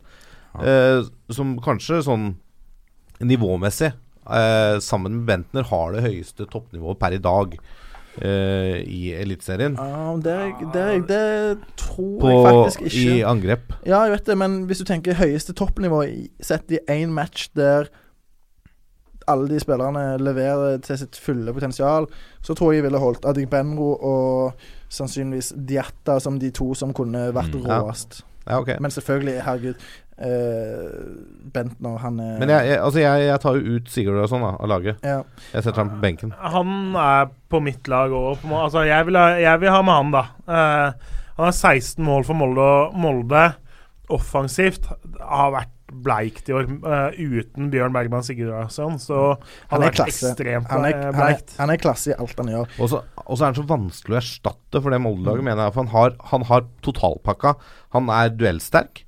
Kan liksom eh, vinne dueller i boksen og være den type spiss. Og så er han kontringssterk. Han Mm. kan gå i bakrom, løpe fra stoppere og skåre mål den veien. Han, han skårer fra alle posisjoner og vinkler, med huet med begge beina, eh, og er en viktig spiller i oppspillsfasen. Så, så for Molde Superviktig, og Molde tok sølv. Så Det er derfor jeg hadde den med på laget. Jeg ser poenget litt med Adegbenro. Men jeg, litt- jeg syns vi kan diskutere det. da Han mot Adegbenro sammen med OI og Bentner. Ja, det er for meg et ekstremt eh, vanskelig valg, egentlig. Jeg tror jeg heller mot Adegbenro, eh, for han har på en måte eh, markert seg mest. X-faktor, Ja. ja. han har X-faktor. Han har markert seg med det høyeste toppnivået, syns jeg, av eh, gjerne samtlige. Ja. Eh, I hvert fall av de to. Samtidig så, så er ikke det noe eh, mot eh, Bjørn Bergman Sigurdsson. Han er også en fantastisk spiller som lett kunne vært på dette eh, laget. Mm. Men eh, jeg velger Dybba nå. Vangstein, hvis jeg tolker deg rett, går du for Bjørn Bergman Sigurdsson? Ja, jeg, jeg, har, jeg har nesten lyst til å ha han med og heller bytte ut OI med Adegbendro, jeg, da. Og sette Ok. OI på benken. Jeg tenker, ja, altså, For meg så er det Sigurdarsson, selv om det her òg er jevnt. Eh, Uten at det nødvendigvis er et kjempegodt argument når du skal ta ut de beste spillerne. da Uten Sigurdarsson så står vi igjen uten spillere fra sølvlaget. Det er jo mulig, men Ja. det er litt Og han men- ja. berga også sølvet på en måte altså i siste omgang der. Og, Men jeg, jeg håper vi kan gå fort gjennom en, uh, En benk. her. Ja, sånn, vi- sånn la oss ikke- gjøre La oss spikre treeren på Ja. topp. Vi har i hvert fall Niklas Bentner. Ja. Og så har vi på plass nummer to etter denne diskusjonen uh, Bjørn Bergman Sigurdarsson. Ja, for du Eh, velger også han. Jeg velger også han. Da er det jo tre av oss som gjør det. Da er det én plass igjen. Yes. Og jeg mener jo da at vi tar Altså, jeg personlig hadde da tatt ut OI og satt inn Adegbenro der. Selv om det er rart kanskje å ta ut OI som skårer 16 mål. eller- Jeg, jeg mener jo det er en større prestasjon å skåre 17 mål på Stabæk enn 16 for Molde. Mm. Eh, så kan vi snakke om at vi bør ha en spiller fra sølvlaget. Ja, jeg skjønner Eller jeg kjøper det argumentet, men Men nå er du nedstemt, vet du, Bårdsen. Ja, for det er altså, det tre som har valgt Sigurdsson. Men jeg eh, presenterer fremdeles min Ja, ja, sak. det er greit. Nei, men altså Jeg hadde kjørt Bentner, Ohi, Adegbenro. Resten overlater jeg til dere. Ok. Jeg kjører Adegbenro, Bentner og Sigurdsson. Jeg kjører Bentner, eh, Sigurdarsson eh, og eh, Ohi. ja, eh, samme som Martin for meg. Og så Ja, får du svar svaret på Toppfotballs eh, Instagram-side. ja, men da ble det, Da- da ble det OI. Ja, da ble det Ja, faktisk. og det betyr jo da at Adegve- Adegvendro som Zakariassen har vært fryktelig nære, men blir stemt ut. Er på benk. Ble Benlow stemt ut? Ja, følger du ikke med på sendingen? Hvis noen lyttere har oversikten nå, Jeg så har, jeg har Zakariassen på benken, jeg har Adegbenero på benken. Og Wormgård får vel i hvert fall en plass. og Krepindiata. Og så ble Bråtvedt Bråtveit nevnt som reservekeeper. Jeg spiller inn Anders Kristiansen I Sarpsborg. i Sarpsborg. Ja, det er ikke et dårlig valg. En eh, keeperens Jamie Vardy. Ja, Da går vi kjapt gjennom, da. Blir det Christensen eller Bråtveit? Jeg stemmer. Bråtveit. Bråt. Bråtveit har holdt nullen tolv ganger på 28 eller 29 kamper for et uh, middelmådig lag. Men der har du Erik Horneland som uh, kun prioriterer det defensive. Ja, ja, jo, men det, samtidig Det er et eh, Det er en midtbane som mista Slå gjennom dobbeltstemme med Martin. Da ble det Kristiansen. Deilig. Kristiansen. Ja. Heia bredden. Det vet jeg du er enig i, egentlig, Kjernos? Nei, At bredden vinner? det- jo, jo, sånn sett, ja. Men eh, Tredjeplass i serien, klar for cupfinale. Jeg spiller inn en liten fra sida her på i benken, eller to egentlig. Morten Gams Pedersen er sist konge. Uh, bør på benken. Og uh, Torgil Gjertsen. Torgil Gjertsen. Han har i snitt ett målpoeng per kamp etter han kom Ja. til ja. Ja, da er det han og Diatta har jo sammen med Bentner kanskje vært høstens beste. Så, Så har man sikkert uh, utelatt noen som definitivt burde vært med i diskusjonen, men eh, Unnskyld til dere. Ja. Så da er altså Vi- benken Kristiansen, Samuel Adegbenro, Diatta, Sakariassen, Gjertsen og MGP. Og så har jeg en mann som Birger Meling, syns jeg, har hatt en veldig god sesong i Rosenborg, som òg fortjener å bli nevnt. Enig. Og så skal vi, har vi flere plasser? Aner ikke. Anders Tronsen Altså- i Sarpsborg, kanskje? Nja, tja. Jo, han Ja. har jo hatt en Vi, fantastisk han får lov til å bære vannflasken, i hvert fall. For en heder. For en ære. Ja, Det var altså Toppfotballs årets, eh, årets uh, lag i Eliteserien 2017. Skal vi, altså vi nevnte årets gjennombrudd, skal vi kåre det? Ja, det ble Zakariassen. Ble Zakariassen ferdig, det? Gratulerer. Gratulerer til alle vinnere. Hei! Jeg tror det laget her hadde vunnet serien. Men kårte vi årets spiller? Det gjorde vi ikke. Nei, det har vi ikke gjort. Ja. Litt kjapt, da. Ja, jeg går litt vekk fra fotballfesten og velger da Bentner. Jeg velger André Hansen.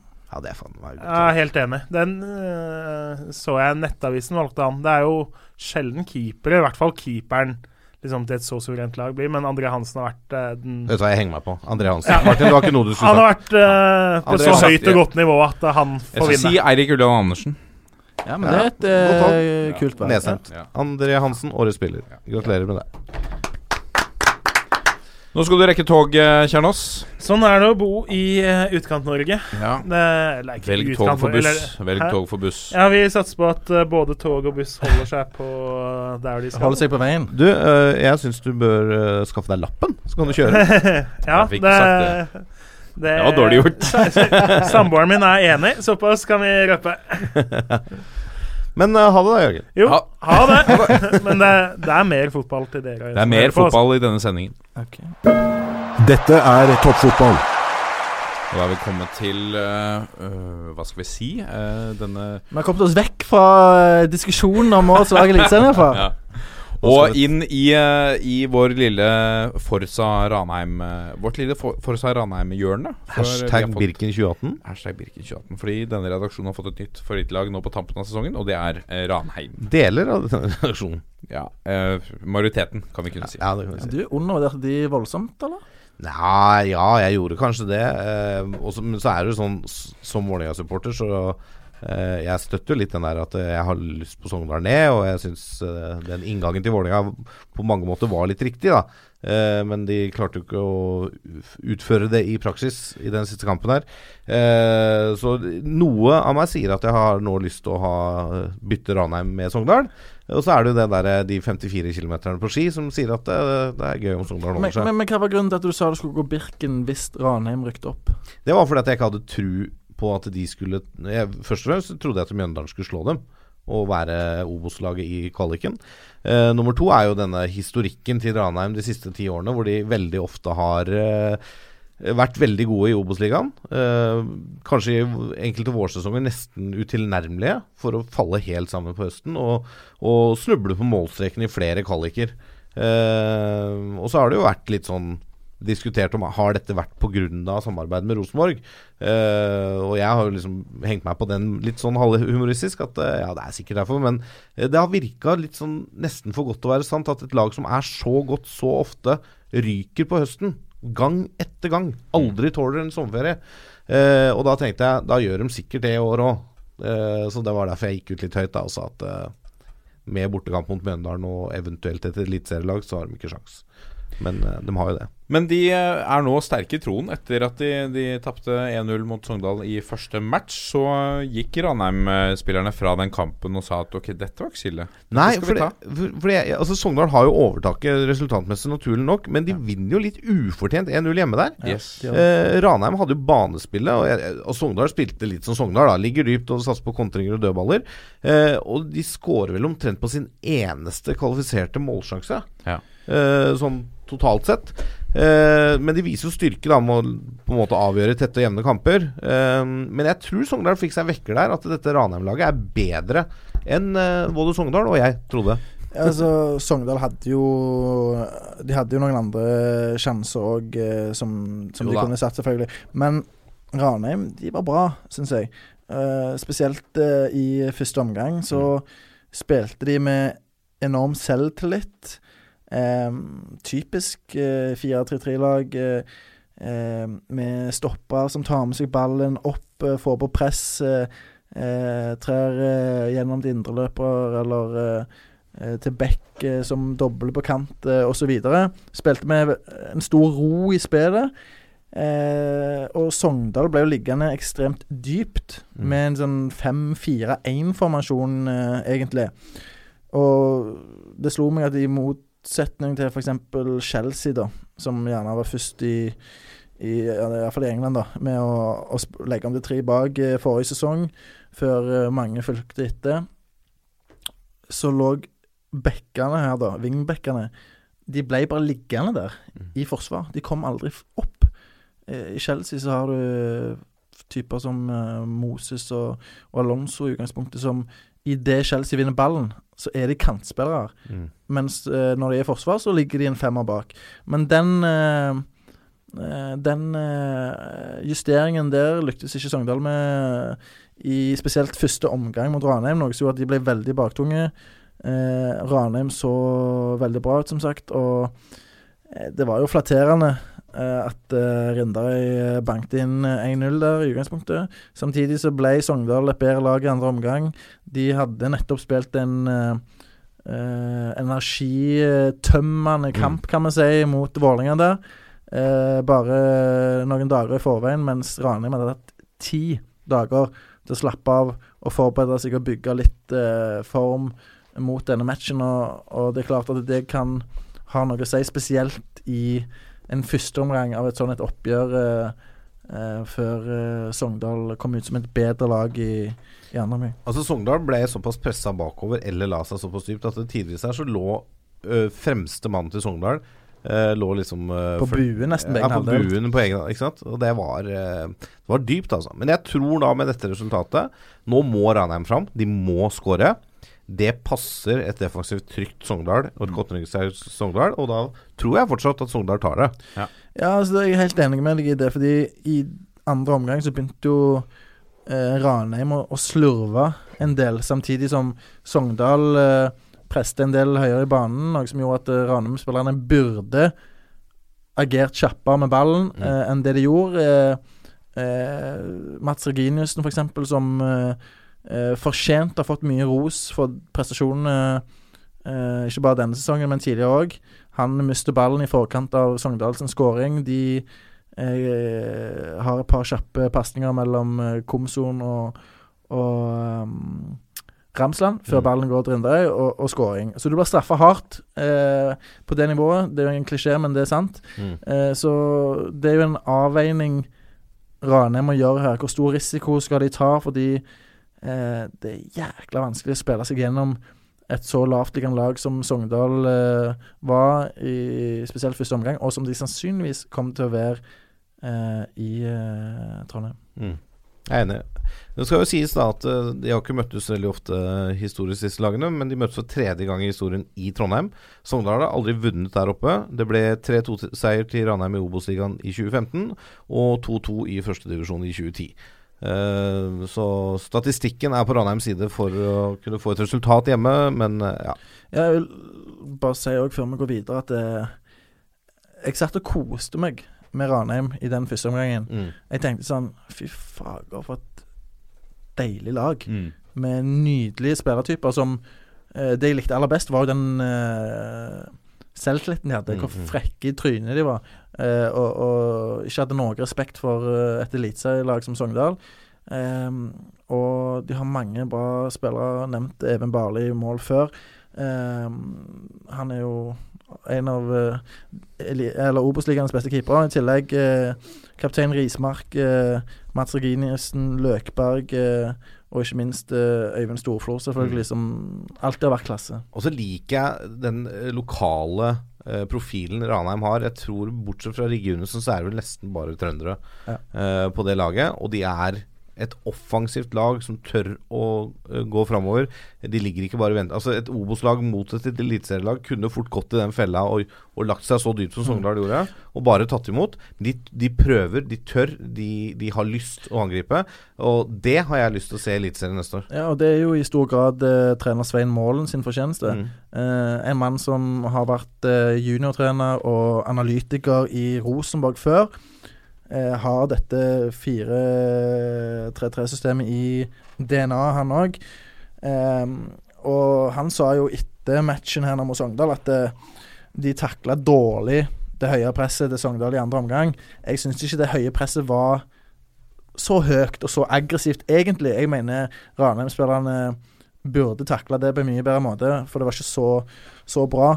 Eh, samtidig så er det interessant å høre hva han sier med at eh, eh, han skulle sette spillerne i grupper der de skulle få i oppgave å, å komme fram til en løsning på hvordan de skulle eh, takle et eh, lignende press igjen da, i, i hjemmematchen hvis Sogndal velger å gå ut høyt. Mm. Eh, men det sier jo litt om den pedagogiske tilnærmingen som han har òg, da.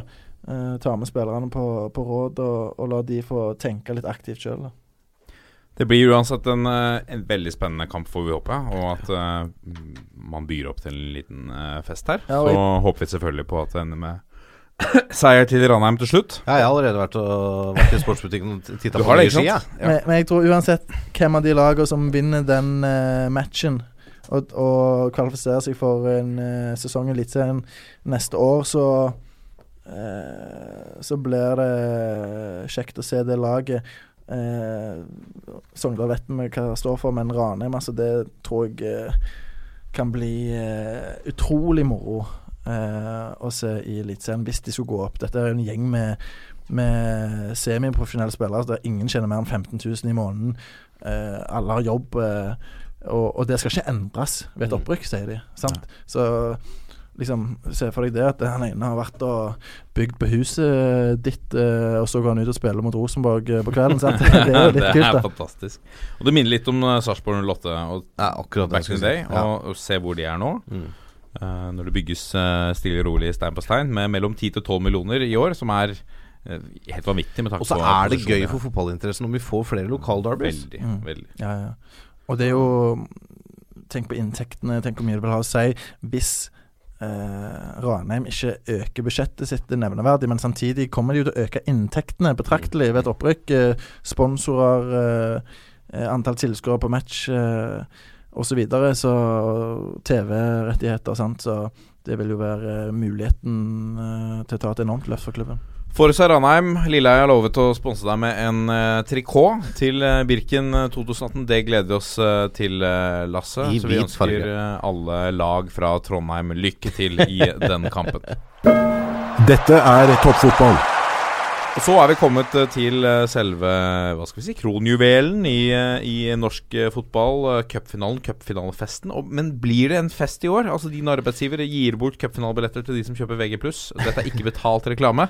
Nei, Men, det er, men det er et spørsmålstegn jeg stiller ved statusen til årets cupfinale. Nei, altså statusen er høy.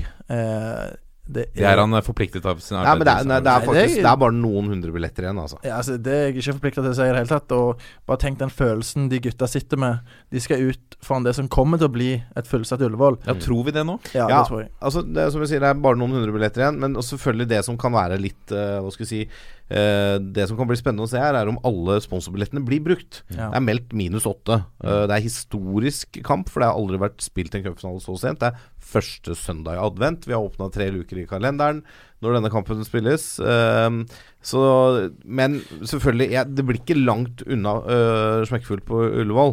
Dette bør jo være et, eh, et optimalt sted for eh, disse som selger eh, tjukke sokker og sånne ting, som Ja, ja, står ja. ofte på Youngstorget i Oslo. Altså, Stelle seg opp utenfor Ullevål stadion, gjør gjør en innsats. Det Selg blir, eh, det blir sinnssykt kaldt. Det er, det, det er det ingen tvil om. Men, ja, tvil. men Men cup- cupfinalen er noe Ja, spesielt. og det blir, eh, Ja, ja, ja. det blir masse supporter fra begge lag, og det, det er en fest, eh, folkefest, ikke sant. Så det, det er eh, Og det er to lag som møtes som på en måte har levert en sesong som de egentlig er fornøyd med i serien, tror jeg da. Lillestrøm har jo, som jeg har nevnt før, det årlige målet sitt om å holde plassen.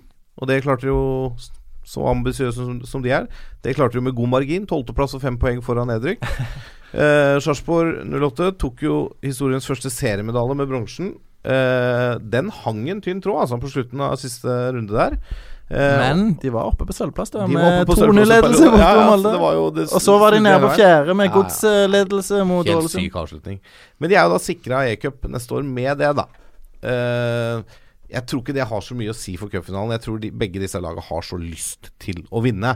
Eh, men det er, det er jo egentlig to lag som kommer fra gode opplevelser. Eh, tror det kan bli en morsom finale. Eh, selv om selvfølgelig Arne Erlandsen kommer ikke til å sende dette Lillestrøm-laget veldig høyt i banen. Eh, de kommer til å la Sarpsborg ha ballen mye. Eh, og det kan være effektivt, så Sarpsborg må få spillet sitt til å flyte godt for å bryte gjennom den Lillestrøm-muren. Ja, jeg er litt spent på om Erling Knutson eh, blir brukt som kant. Eh, han var både på venstre og høyre mot Uh, eh, Hjelp meg med, med forrige match. Det var mot Sandefjord. Det var mot Sandefjord. Eh, men han ønsker å spille spiss. Han har vært best i år som spiss også, Han har det, utvilsomt. Og han er jo et kontringsvåpen som uh, Sarpsborg eh, må ta hensyn til hvis han blir brukt på topp. Ehm, og jeg tror du har rett i at Sarpsborg vil ha ballen mest. Eh, samtidig så er det to veldig godt trente lag som møtes. Eh, eh, her tror jeg ingen av de har en fordel hvis dette drar ut eh, i tid eh, til ekstraomganger, f.eks. Uh, da tror jeg eh, Da tror jeg begge står eh, like sterkt. Eh, eh, samtidig så har eh, Sarpsborg spillere med størst X-faktor og størst kvalitet, Mm. i form av eh, eh, Rosted, eh, Zakariassen, Diatta, Patrick Mortensen og en mann som eh, eh, har slitt litt med skade nå. Ole Jørgen Halvorsen, som eh, jeg mener er undervurdert mann. Ja. Mm. De eh, Nivåforskjellen vises jo kanskje litt i at uh, Sarpsborg Eller Lillesund, ikke har vunnet mot Sarpsborg på de tre siste offisielle oppgjørene. To seire, og så entret 3-3 i seriekampen i Sarpsborg tidligere i år. Eh, men disse lagene kjenner hverandre godt, for det er femte gang Eller, beklager. Jo, det er femte gang de møtes i år. For de har også spilt to treningskamper, én før sesongen. Da vant eh, LSK 4-0 i LSK-hallen. Og så spilte de 2-1 på Åråsen, altså 2-1-seier til Lillesund på Åråsen i sommerpausen i juli. Så de kjenner hverandre godt, de, de lagene her. Eh, Lillestrøm har et historisk overtak på Sarpsborg 08. Eh, Seks seire mot Sarpsborg 4 og tre uavgjort. Så det, de er sånn Skal vi ta med, Mens vi snakker om uh, tall, da skal vi ta med målforskjellen her på veien til uh, cupfinalen. eh, hvor Lillestrøm står med 16, uh, 16 mål skåret og 4 innslupne. Mens Sarpsborg 08 står med 26 mål skåret og 3 innslupne. Mm. Uh, her må vi beregne en, en, en 10-1-seier over Drøbak-Frogn i første runde også. Men det er jo fortsatt åpenbart at det, det skåres mye mål da i, i Østfold. Uh, sterk, vi må kunne si en sterk seier over både uh, Vålerenga 3-0 i semifinalen, og ikke minst Odd uh, i eh, 4-0 i, eh, i fjerde runde. Det er ikke noe mindre sterkt enn 3-0-seieren var det Nei, ikke det, til Lillestrøm borte mot Molde. den er Den er jo, må vi kunne si, kanskje er sterkest. Ja, Ja, Ja, men men jeg tror sjøl at uh, Sarpsborg kommer til å vinne denne matchen. Herregud, en finale er en finale. Alt kan skje, selvfølgelig. Men jeg ser for meg at den kvaliteten Sarpsborg har, blir avgjørende til slutt. Jeg tror det blir en tett og jevn match, men uh, Jeg tror uh, at de nevnte spillerne til Sarpsborg eh, avgjør dette her for de, og så er det òg et lite spørsmålstegn ved Frode Skippe, som har vært syk siden eh, siste seriematch eh, forrige søndag. Ikke trent hele uka. Melder seg sjøl klar til match, men i det 84. minutt så kan det fort bli en løpsduell mot uh, Kreppen der uh, uh, en litt uh, småyggen uh, Skippe ikke henger helt med, som, som avgjør matchen. Ja, jeg, jeg ser hva du sier, men jeg, jeg sitter med en sånn liten LSK-følelse her. Og det er rett og slett pga. den der verktøykassa til eh, Arne Erlandsen på å låse kamper. Ja. Selv om Lillestrøm har sluppet inn en del mål i år, altså for all del, men de kan forsvare seg dypt og kontre når de må. Det, det vil jeg jo si er en, omtrent en mangel på den verktøykassa. da, Fordi at de, de, de har jo et eh, virkemiddel. Det Ja, er å men han bruker bussen. styrkene til laget sitt, da. Det var morsomt å sett eh, Lillestrøm komme ut med sånn sjokkpress eh, Ja. fra start, og sett hvordan eh, Sarpsborg reagerte på det. Ja, det, det tror jeg det hadde tatt dem helt på senga. Ja, men, og egentlig så har jo Offensivt iallfall så har Lillestrøm spillerne til det. Med fotrappe, forflytningssterke eh, gutter. Men så er det jo selvfølgelig et tempospørsmål i bakre rekke. Om Frode Skippe skal stå ved midtstreken i, Mm. i løpsduell mot Hjerta osv. Det tror jeg taler imot den eh, strategien. Men jeg tror ikke det blir sånn 4-0 til dette laget. Det blir tett og jevnt. Ja. Vi ønsker i hvert fall lagene lykke til. Lykke til. Uh, det er, eh, Det som vi sier det ble er en- en folkefest. Ja, det, Det blir absolutt. herregud, og vi må jo oppfordre alle som har den billetten, til å, eh, til å ta turen på stadion. Ikke Mm. la deg, ikke la deg presse eller eh, eh, Hva skal vi si Ikke, ikke hold deg hjemme pga. minus uh, åtte blå. Nei, da, du kle deg da. Altså- hvis du sitter på en billett og ikke har tenkt å bruke den, gi den bort til naboen Ja, til noen som har lyst til å dra. så kaldt er det ikke hvis du kler deg godt, eh, noe jeg eh, som regel er dårlig til. Men uh, altså Så lenge det er tørt. Ta med et adventslys. Det er jo første søndagen. Så Det er nydelig. Og spesielt, det er jo nesten som julaften, mener jeg, da jeg husker sjøl da jeg dro fra, fra Randaberg inn til Oslo for å se Viking i cupfinalen i 2000 mot Odd. Ja. Tap. Helt fryktelig følelse eh, på vei hjem igjen. Og så året etterpå, da. Revansj. Da var det 3-0-seier mot uh, Bryne. og Traktorene kjørte rolig hjem igjen. De er uh, eh, eh, og Bryne Men det var liksom Det var som sagt Det var sånn julaftenfølelse. Det er Ja, det er unikt. stort. Cupfinale er stort, altså. Vi gleder oss uh, masse. Uh, vi må runde av der uh, med å si heia det laget som vinner. eh, eller noe sånt. Vi ønsker alle lykke til. Vi ønsker alle lykke til. Veldig diplomatisk å si. Lykke til. Og så må vi minne om at vi ønsker tips til ukens Fokus eller Fiesta. Eh, gå inn på Twitter eller Instagram og tagg oss Toppfotball i eh, en post der, og For med den- hashtaggen Ford. Ja, for den Ford-pakka du kan vinne der, den syns jeg er ganske fin, altså. Paraply, klokke, eh, kopp og ikke minst den eh, fotballdrakta med, med toppfotball og Ford på. Ja. Det er en, Det er en, den er, du ønsker å vinne denne En eksklusiv pakke. Jeg går iallfall god for drakten, for den er nydelig. Ja, det, ja, absolutt. absolutt. Og Eh, koppen. og, og koppen. Og gå gjerne inn på Facebook, Twitter og Instagram eh, generelt og, og tips oss om eh, saker og ting. Eh, vi er tilbake neste uke, og vi avslutter som vi pleier å gjøre. 1, 2, 3. Vi er en gjeng! Ha det!